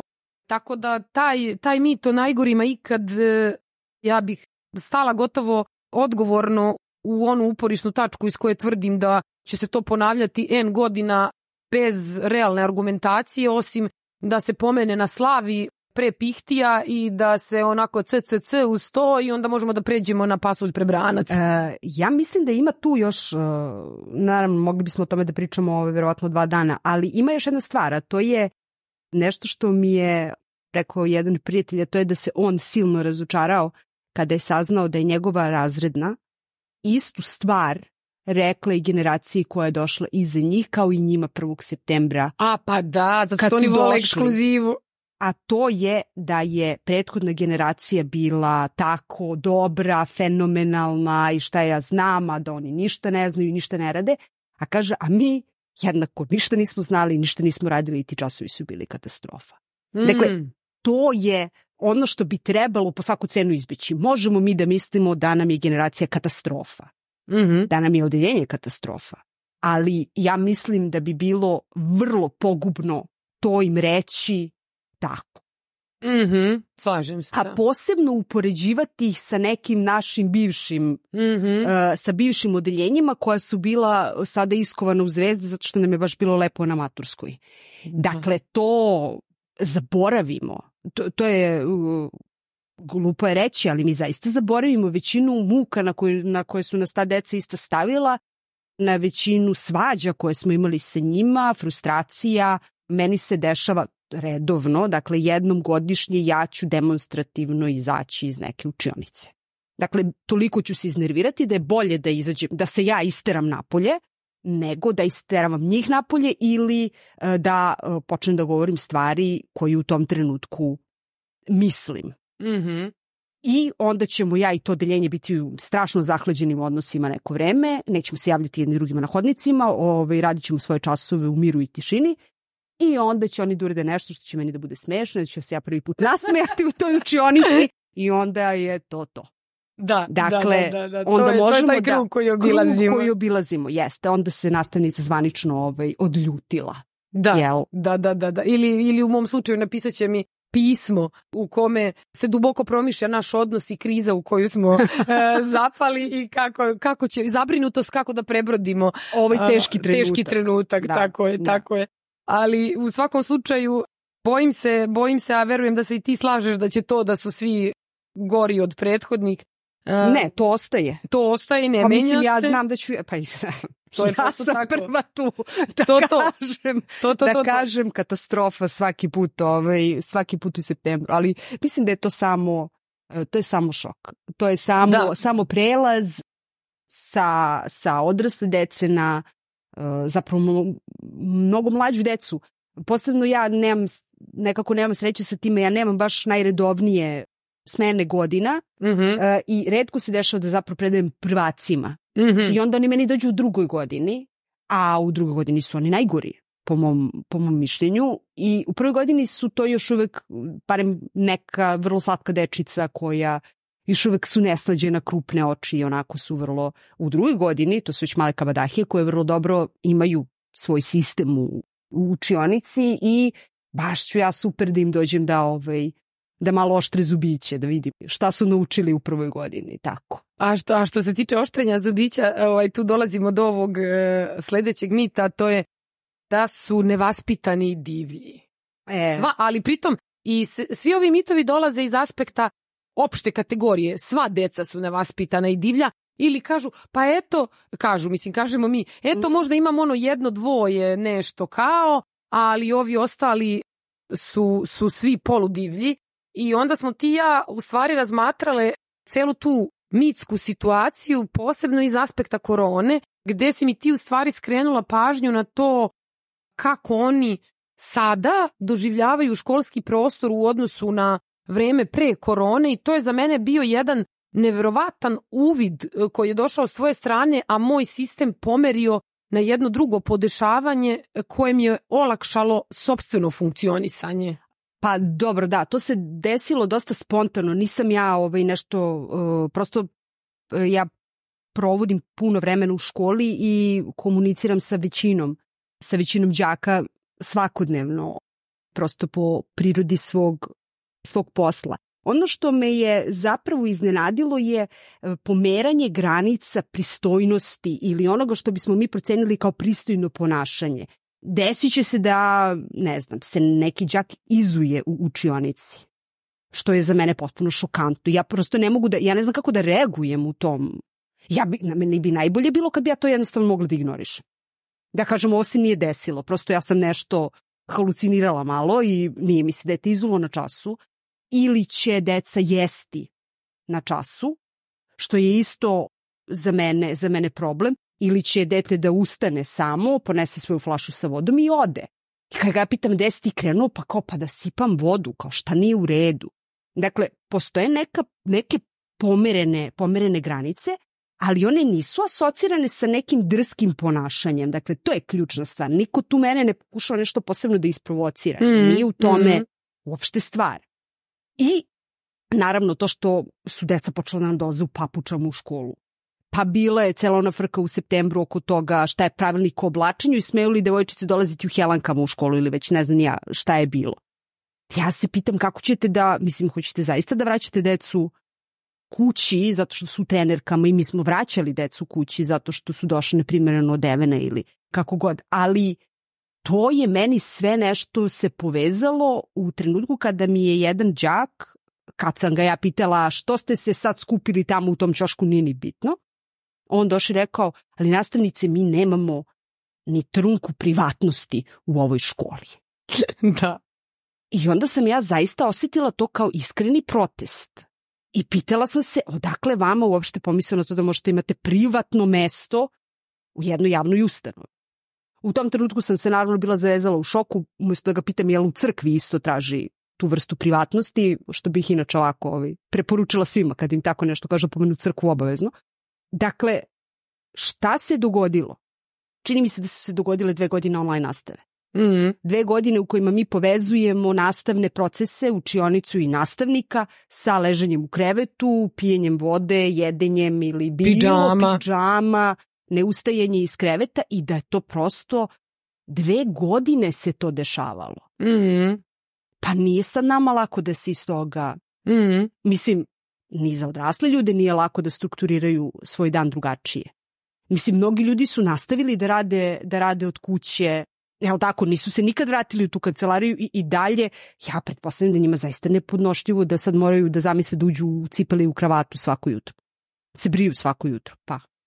Da, da, to je, to je meni bilo potpuno fantastično kad si mi, kad si mi skrenula pažnju na to brisanje granica između javnog i privatnog prostora. I tako je, javnog i privatnog u, u gde se oni ne snalaze i gde, se, gde sam se ja živo setila mog tadašnjeg omiljenog odeljenja dok se nije pojavilo moje sadašnje omiljeno odeljenje ovaj, e, gde, gde sam se setila naše nastave gde ja njima kažem ljudi mene strašno boli glava od gledanja u crni ekran da li molim vas za naš sutrašnji čas neko može da se obuče i očešlja i uključi kameru da bi ja imala kontakt sa nekim i oni su zaista posle toga pronalazili žrtvene jariće koji su koji se češljali i oblačili, da. ali je prosto ta granica između javnog i privatnog potpuno izbrisana i do duše u računarskoj gimnaziji e, oni zaista se suočavaju sa izvesnim izazovom zbog samog prostora školskog. Yes. I to, to, to jeste nešto što mi svi koji radimo u toj školi imamo u vidu, ali prosto tako je kako je i na kraju krajeva ja njima kažem šta hoćete, idete u školu na trgu Republike, znači nemojte molim vas da mi pričate u skraćenosti. Tako to da, je isto tačno. Da, molim lepo, ko na, imaju, imaju ovaj prostora u svakom mogućem smislu. E sad, ovde je ostao još jedan u stvari mi ovo nismo ni definisali kao mit, nego smo ga prepoznali kao stereotip. Mm -hmm.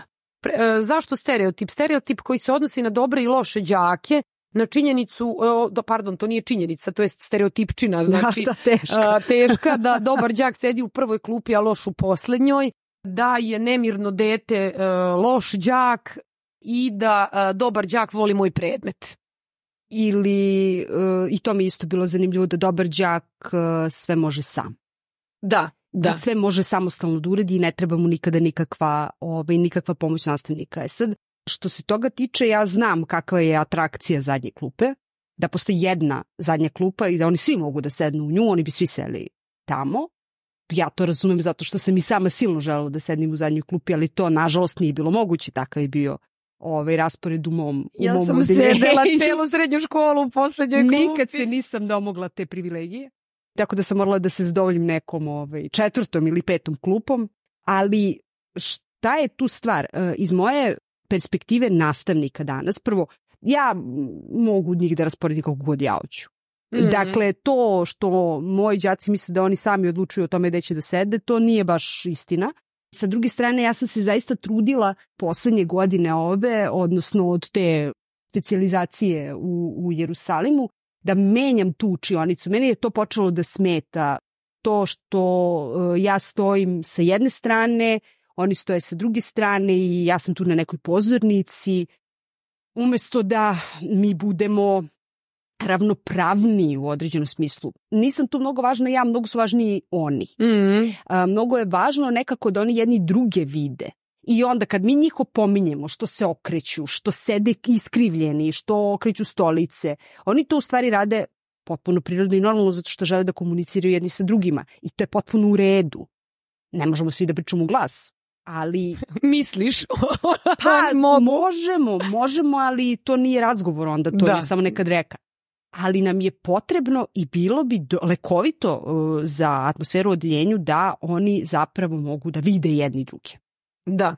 Jer onda bi možda se manje dopisivali preko telefona na mojim časovima, kada bi mogli zapravo da razgovaraju o čemu god, da imaju da, da pričaju u tom trenutku. Tako da, e, što se tiče tog rasporeda sedenja, mislim, to je bez veze drugo. Mislim da uh, moji omiljeni disruptori časova menjaju mesta.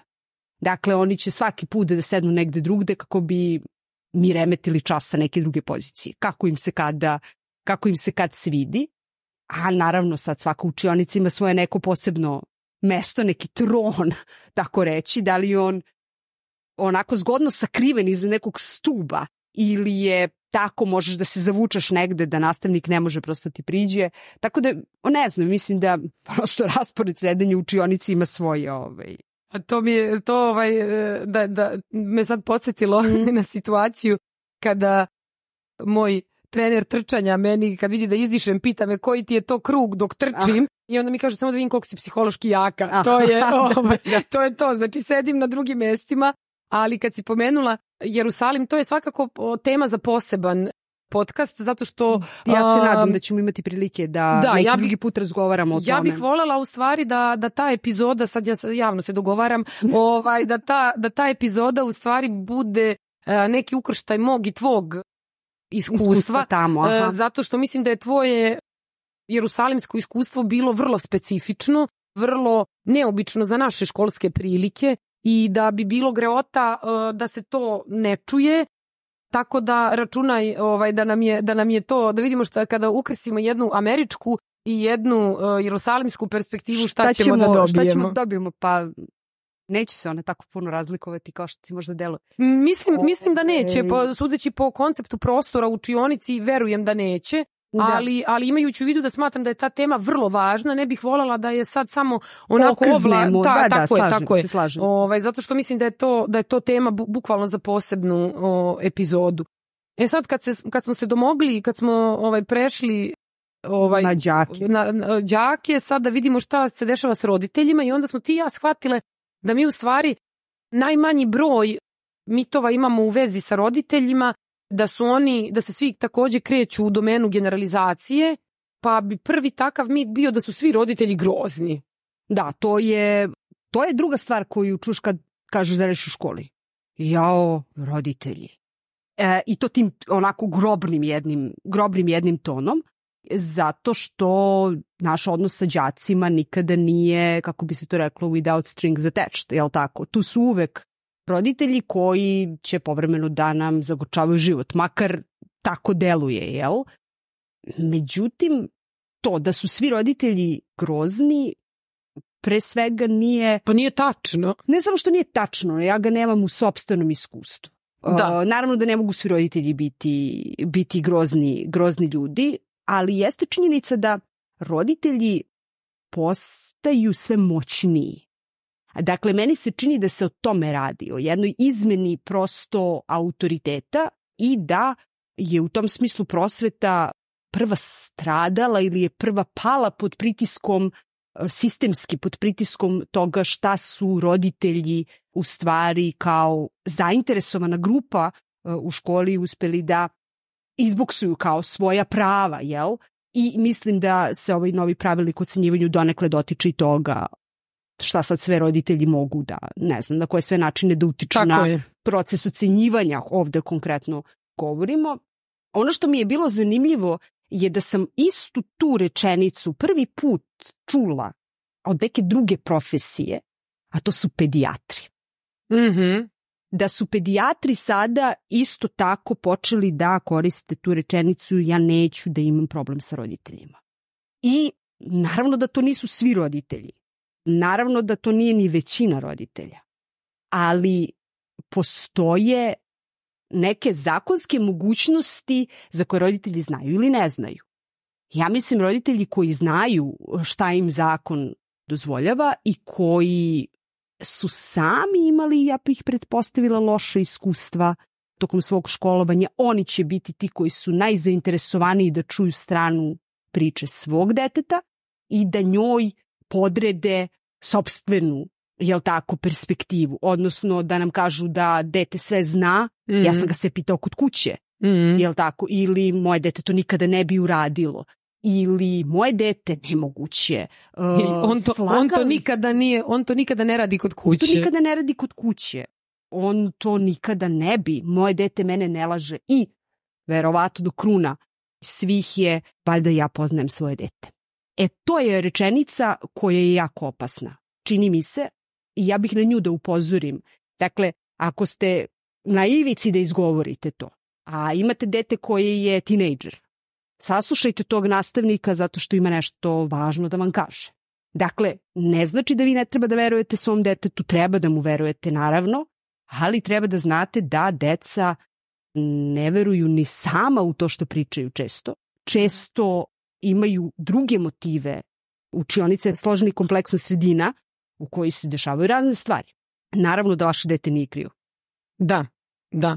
Mi, mislim, zato kažem ovo je generalizacija da su svi roditelji grozni zato što ja znam da u odeljenju u kom imam recimo 22 učenika ja ću uvek imati jednog uh, problematičnog roditelja koji će da mi zagorčava život i pije krv na, na slamčicu, najčešće neutemeljeno, najčešće iz aspekta sobstvenih frustracija, iz neispunjenosti sobstvenih ambicija i zbog ideje da je dete projekat koje ne ostvaruje cilj zacrtani jer nema mogućnost da ostvari zacrtani cilj, ali e, ja isto tako moram da kažem da sam ja u svom iskustvu imala toliko divnih e, ljudi sa kojima sam e, sarađivala, koji su bili radi i da me saslušaju, koji su bili radi da pomognu meni, da pomognu školi, da pomognu odeljenju. Dakle, ja nikad neću zaboraviti prošlu godinu koja je se završila tako kako je se završila, gde ja imam organizovan specijalan čas likovnog, jer moji učenici nemaju likovno kao predmet. Dolazi nam nastavnik likovnog sa Kube koji je izbeglica, živi i radi u Srbiji i na dan kada mi imamo čas, on ne govori srpski i engleski, UNHCR mi javlja da je se prevodilac koji je trebao da dođe na čas razboleo. I, I mi ne znamo kako ćemo da komuniciramo. To je trenutak kada se mama jednog od mojih učenika, kada ja i saznajem da ona žena e, je završila španski jezik, odjavljuje sa svog posla mm -hmm. i dolazi kod nas u školu i pomaže nam da imamo potpuno fantastičan čas zato što nam ona sve vreme prevodi i komunicira s nastavnikom s kojim ja nisam u stanju da komuniciram jer ne znam španski. Dakle, to je samo jedan u moru primera, ali je problem u tome što nas toliko iznure ovi negativni primeri da, da mi nažalost to je, samo o tome i govorimo. To je ona druga stvar, to je da ti nećeš, što je vjerojatno potpuno normalno, nećeš ti s roditeljima da pričaš van konteksta zapravo nekog problema. To su vrlo redke situacije u kojima mi zapravo viđemo roditelje kada je sve u redu, da tako kažem, mm. jer to je nekako shvaćeno kao gubljenje vremena. Mm -hmm. Ja se zbog svoje pozicije tog sekretara, odnosno tehničkog sekretara u, u računskoj gimnaziji, nalazim u poziciji da vodim razgovore sa roditeljima pre nego što se deca upišu recimo u, u školu ili tokom tog njihovog upisnog procesa. Ja ću više puta govoriti sa tim roditeljima, dakle van konteksta toga šta se dešava zapravo u bilo kojoj učionici. I to je neverovatno dragoceno zato što ja nakon toga mogu zapravo sa tim roditeljima da pričam mi smo neki temelj već udarili. Neka baza postoji i ta baza je zapravo bila usmerena na uspeh njihovog deteta, jer su za računarsku položaj prijemni ispiti i tako dalje, ni to baš poljem preći. I oni znaju da smo se mi svi veoma potrudili oko toga da se deca upišu u školu. E to je, ja mislim, isto kao ono na početku kad smo pričali o, o tom pisanju mailova i slično. Mm -hmm. Ako mi uspemo da sa roditeljima postavimo dobar odnos, ako im pokažemo zapravo da nama nije cilj da pišemo ukore deci, neopravdane izostanke i da dajemo loše ocene zato što nam je takav ćef, nego da su sve naše, jeli tako, aktivnosti usmerene ka nečemu što treba da bude zajednički naš cilj.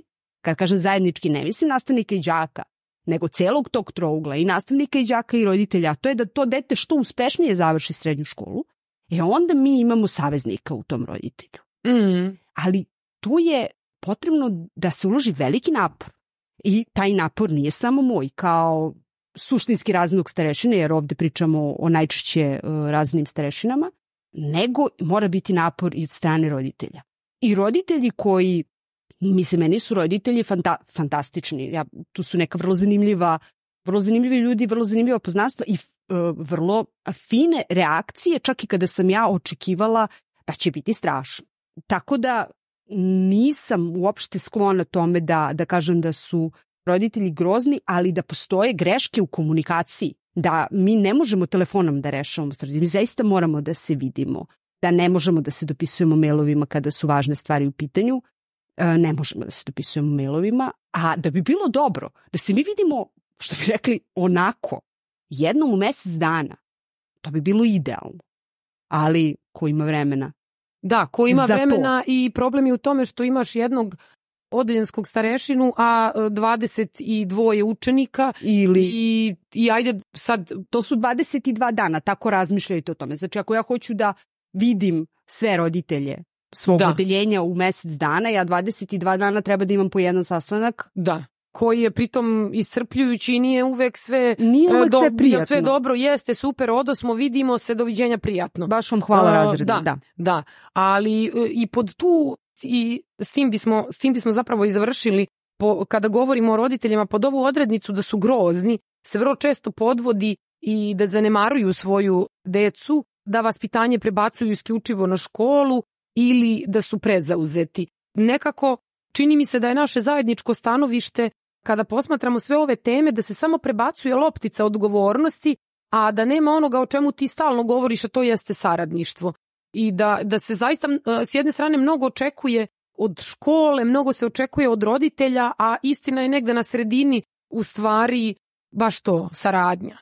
To mi je bi bilo veoma, ve, veoma je čudno kad, kad kažeš tako da je da je u stvari, jel tako, obrazovni proces jednog deteta neki saradnički trougao između, između nastavnika, roditelja i samog đaka. Ja, na primjer, ne volim da isključujem učenike iz razgovora sa njihovim roditeljima. Meni najdrže kad su oni tu. Zato što treba svi da se čujemo i svi da se vidimo. Ako se dešavalo da roditelji insistiraju na tome da mi nešto kažu van prisustva e, tog đaka, to je za mene obično bio signal za nešto problematično. Mm -hmm. Ili ako mislim to što si rekla, roditelji, oni nemaju vremena. To obično, obično čujemo u kontekstu onoga da su deca nevaspitana, znaš, to je deca su nam nevaspitana zato što roditelji rade po dva posla pa se ne bave svojom decom, pa su obrazovanje prepustili nastavnicima, a nastavnici sluđeni i prezauzeti potpuno nemaju vremena da se bave vaspitanjem tuđe dece, nemaju vremena da se bave vaspitanjem svoje, jel? Mm. A što zapravo ništa od toga nije ništa od toga nije objektivna objektivna stvarnost. Naravno da deca očekuju da to bude strašno. Ako sam ja pozvala mamu ili tatu u školu, ne da Bože oboje da dođu. O, deca su vrlo, vrlo spremna na to da posledice budu katastrofalne. Mm. Ja mislim da iz toga treba izlaziti. Dakle, to treba, ne, ne možemo da zovemo roditelje, ne smemo da pretimo time. To je isto Da. isto vrlo uh, jedno ono ba, batina sredstvo koje nastavnici imaju, a to je ako se ne smiriš zvaću ti roditelje. A onda i nastavnik kaže nadam se da će razredna da reaguje. A, A, roditelj, pardon. Da će roditelj da re, ali i to je super rečenica, nadam se da će razredna da reaguje. To znači, neću ja da zovem roditelje, razredna će da zove roditelje. Mm -hmm. A ja ću da te upišem ovde u napomenu. Da.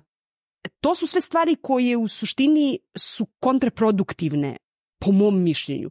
Naravno, zavisi u kakvoj se situaciji nalazimo. Ovde govorimo o nekom potpuno prosečnom problemu, recimo nekom popuštanju u školi ili bilo šta. Mislim, prosto dešava nam se svašta u, u, u, to, u toku tih četiri, četiri godine života, ali ono što je moj krajnji utisak je da roditelji i kako hoće da pričaju sa nama, i kako hoće da pričaju uh, i o svojim iskustvima, ne isključivo samo o svom detetu, što je možda čudno reći, ali roditelji nekada hoće sa nama da podele neku svoju muku, misleći da to utiče na dete i da dete prosto treba da ga nekako podržimo mi u školi ako je već kod kuće problem nesavladiv u, u tom trenutku ili e, Dakle, mm -hmm. možemo da imamo različite neke, različite neke situacije.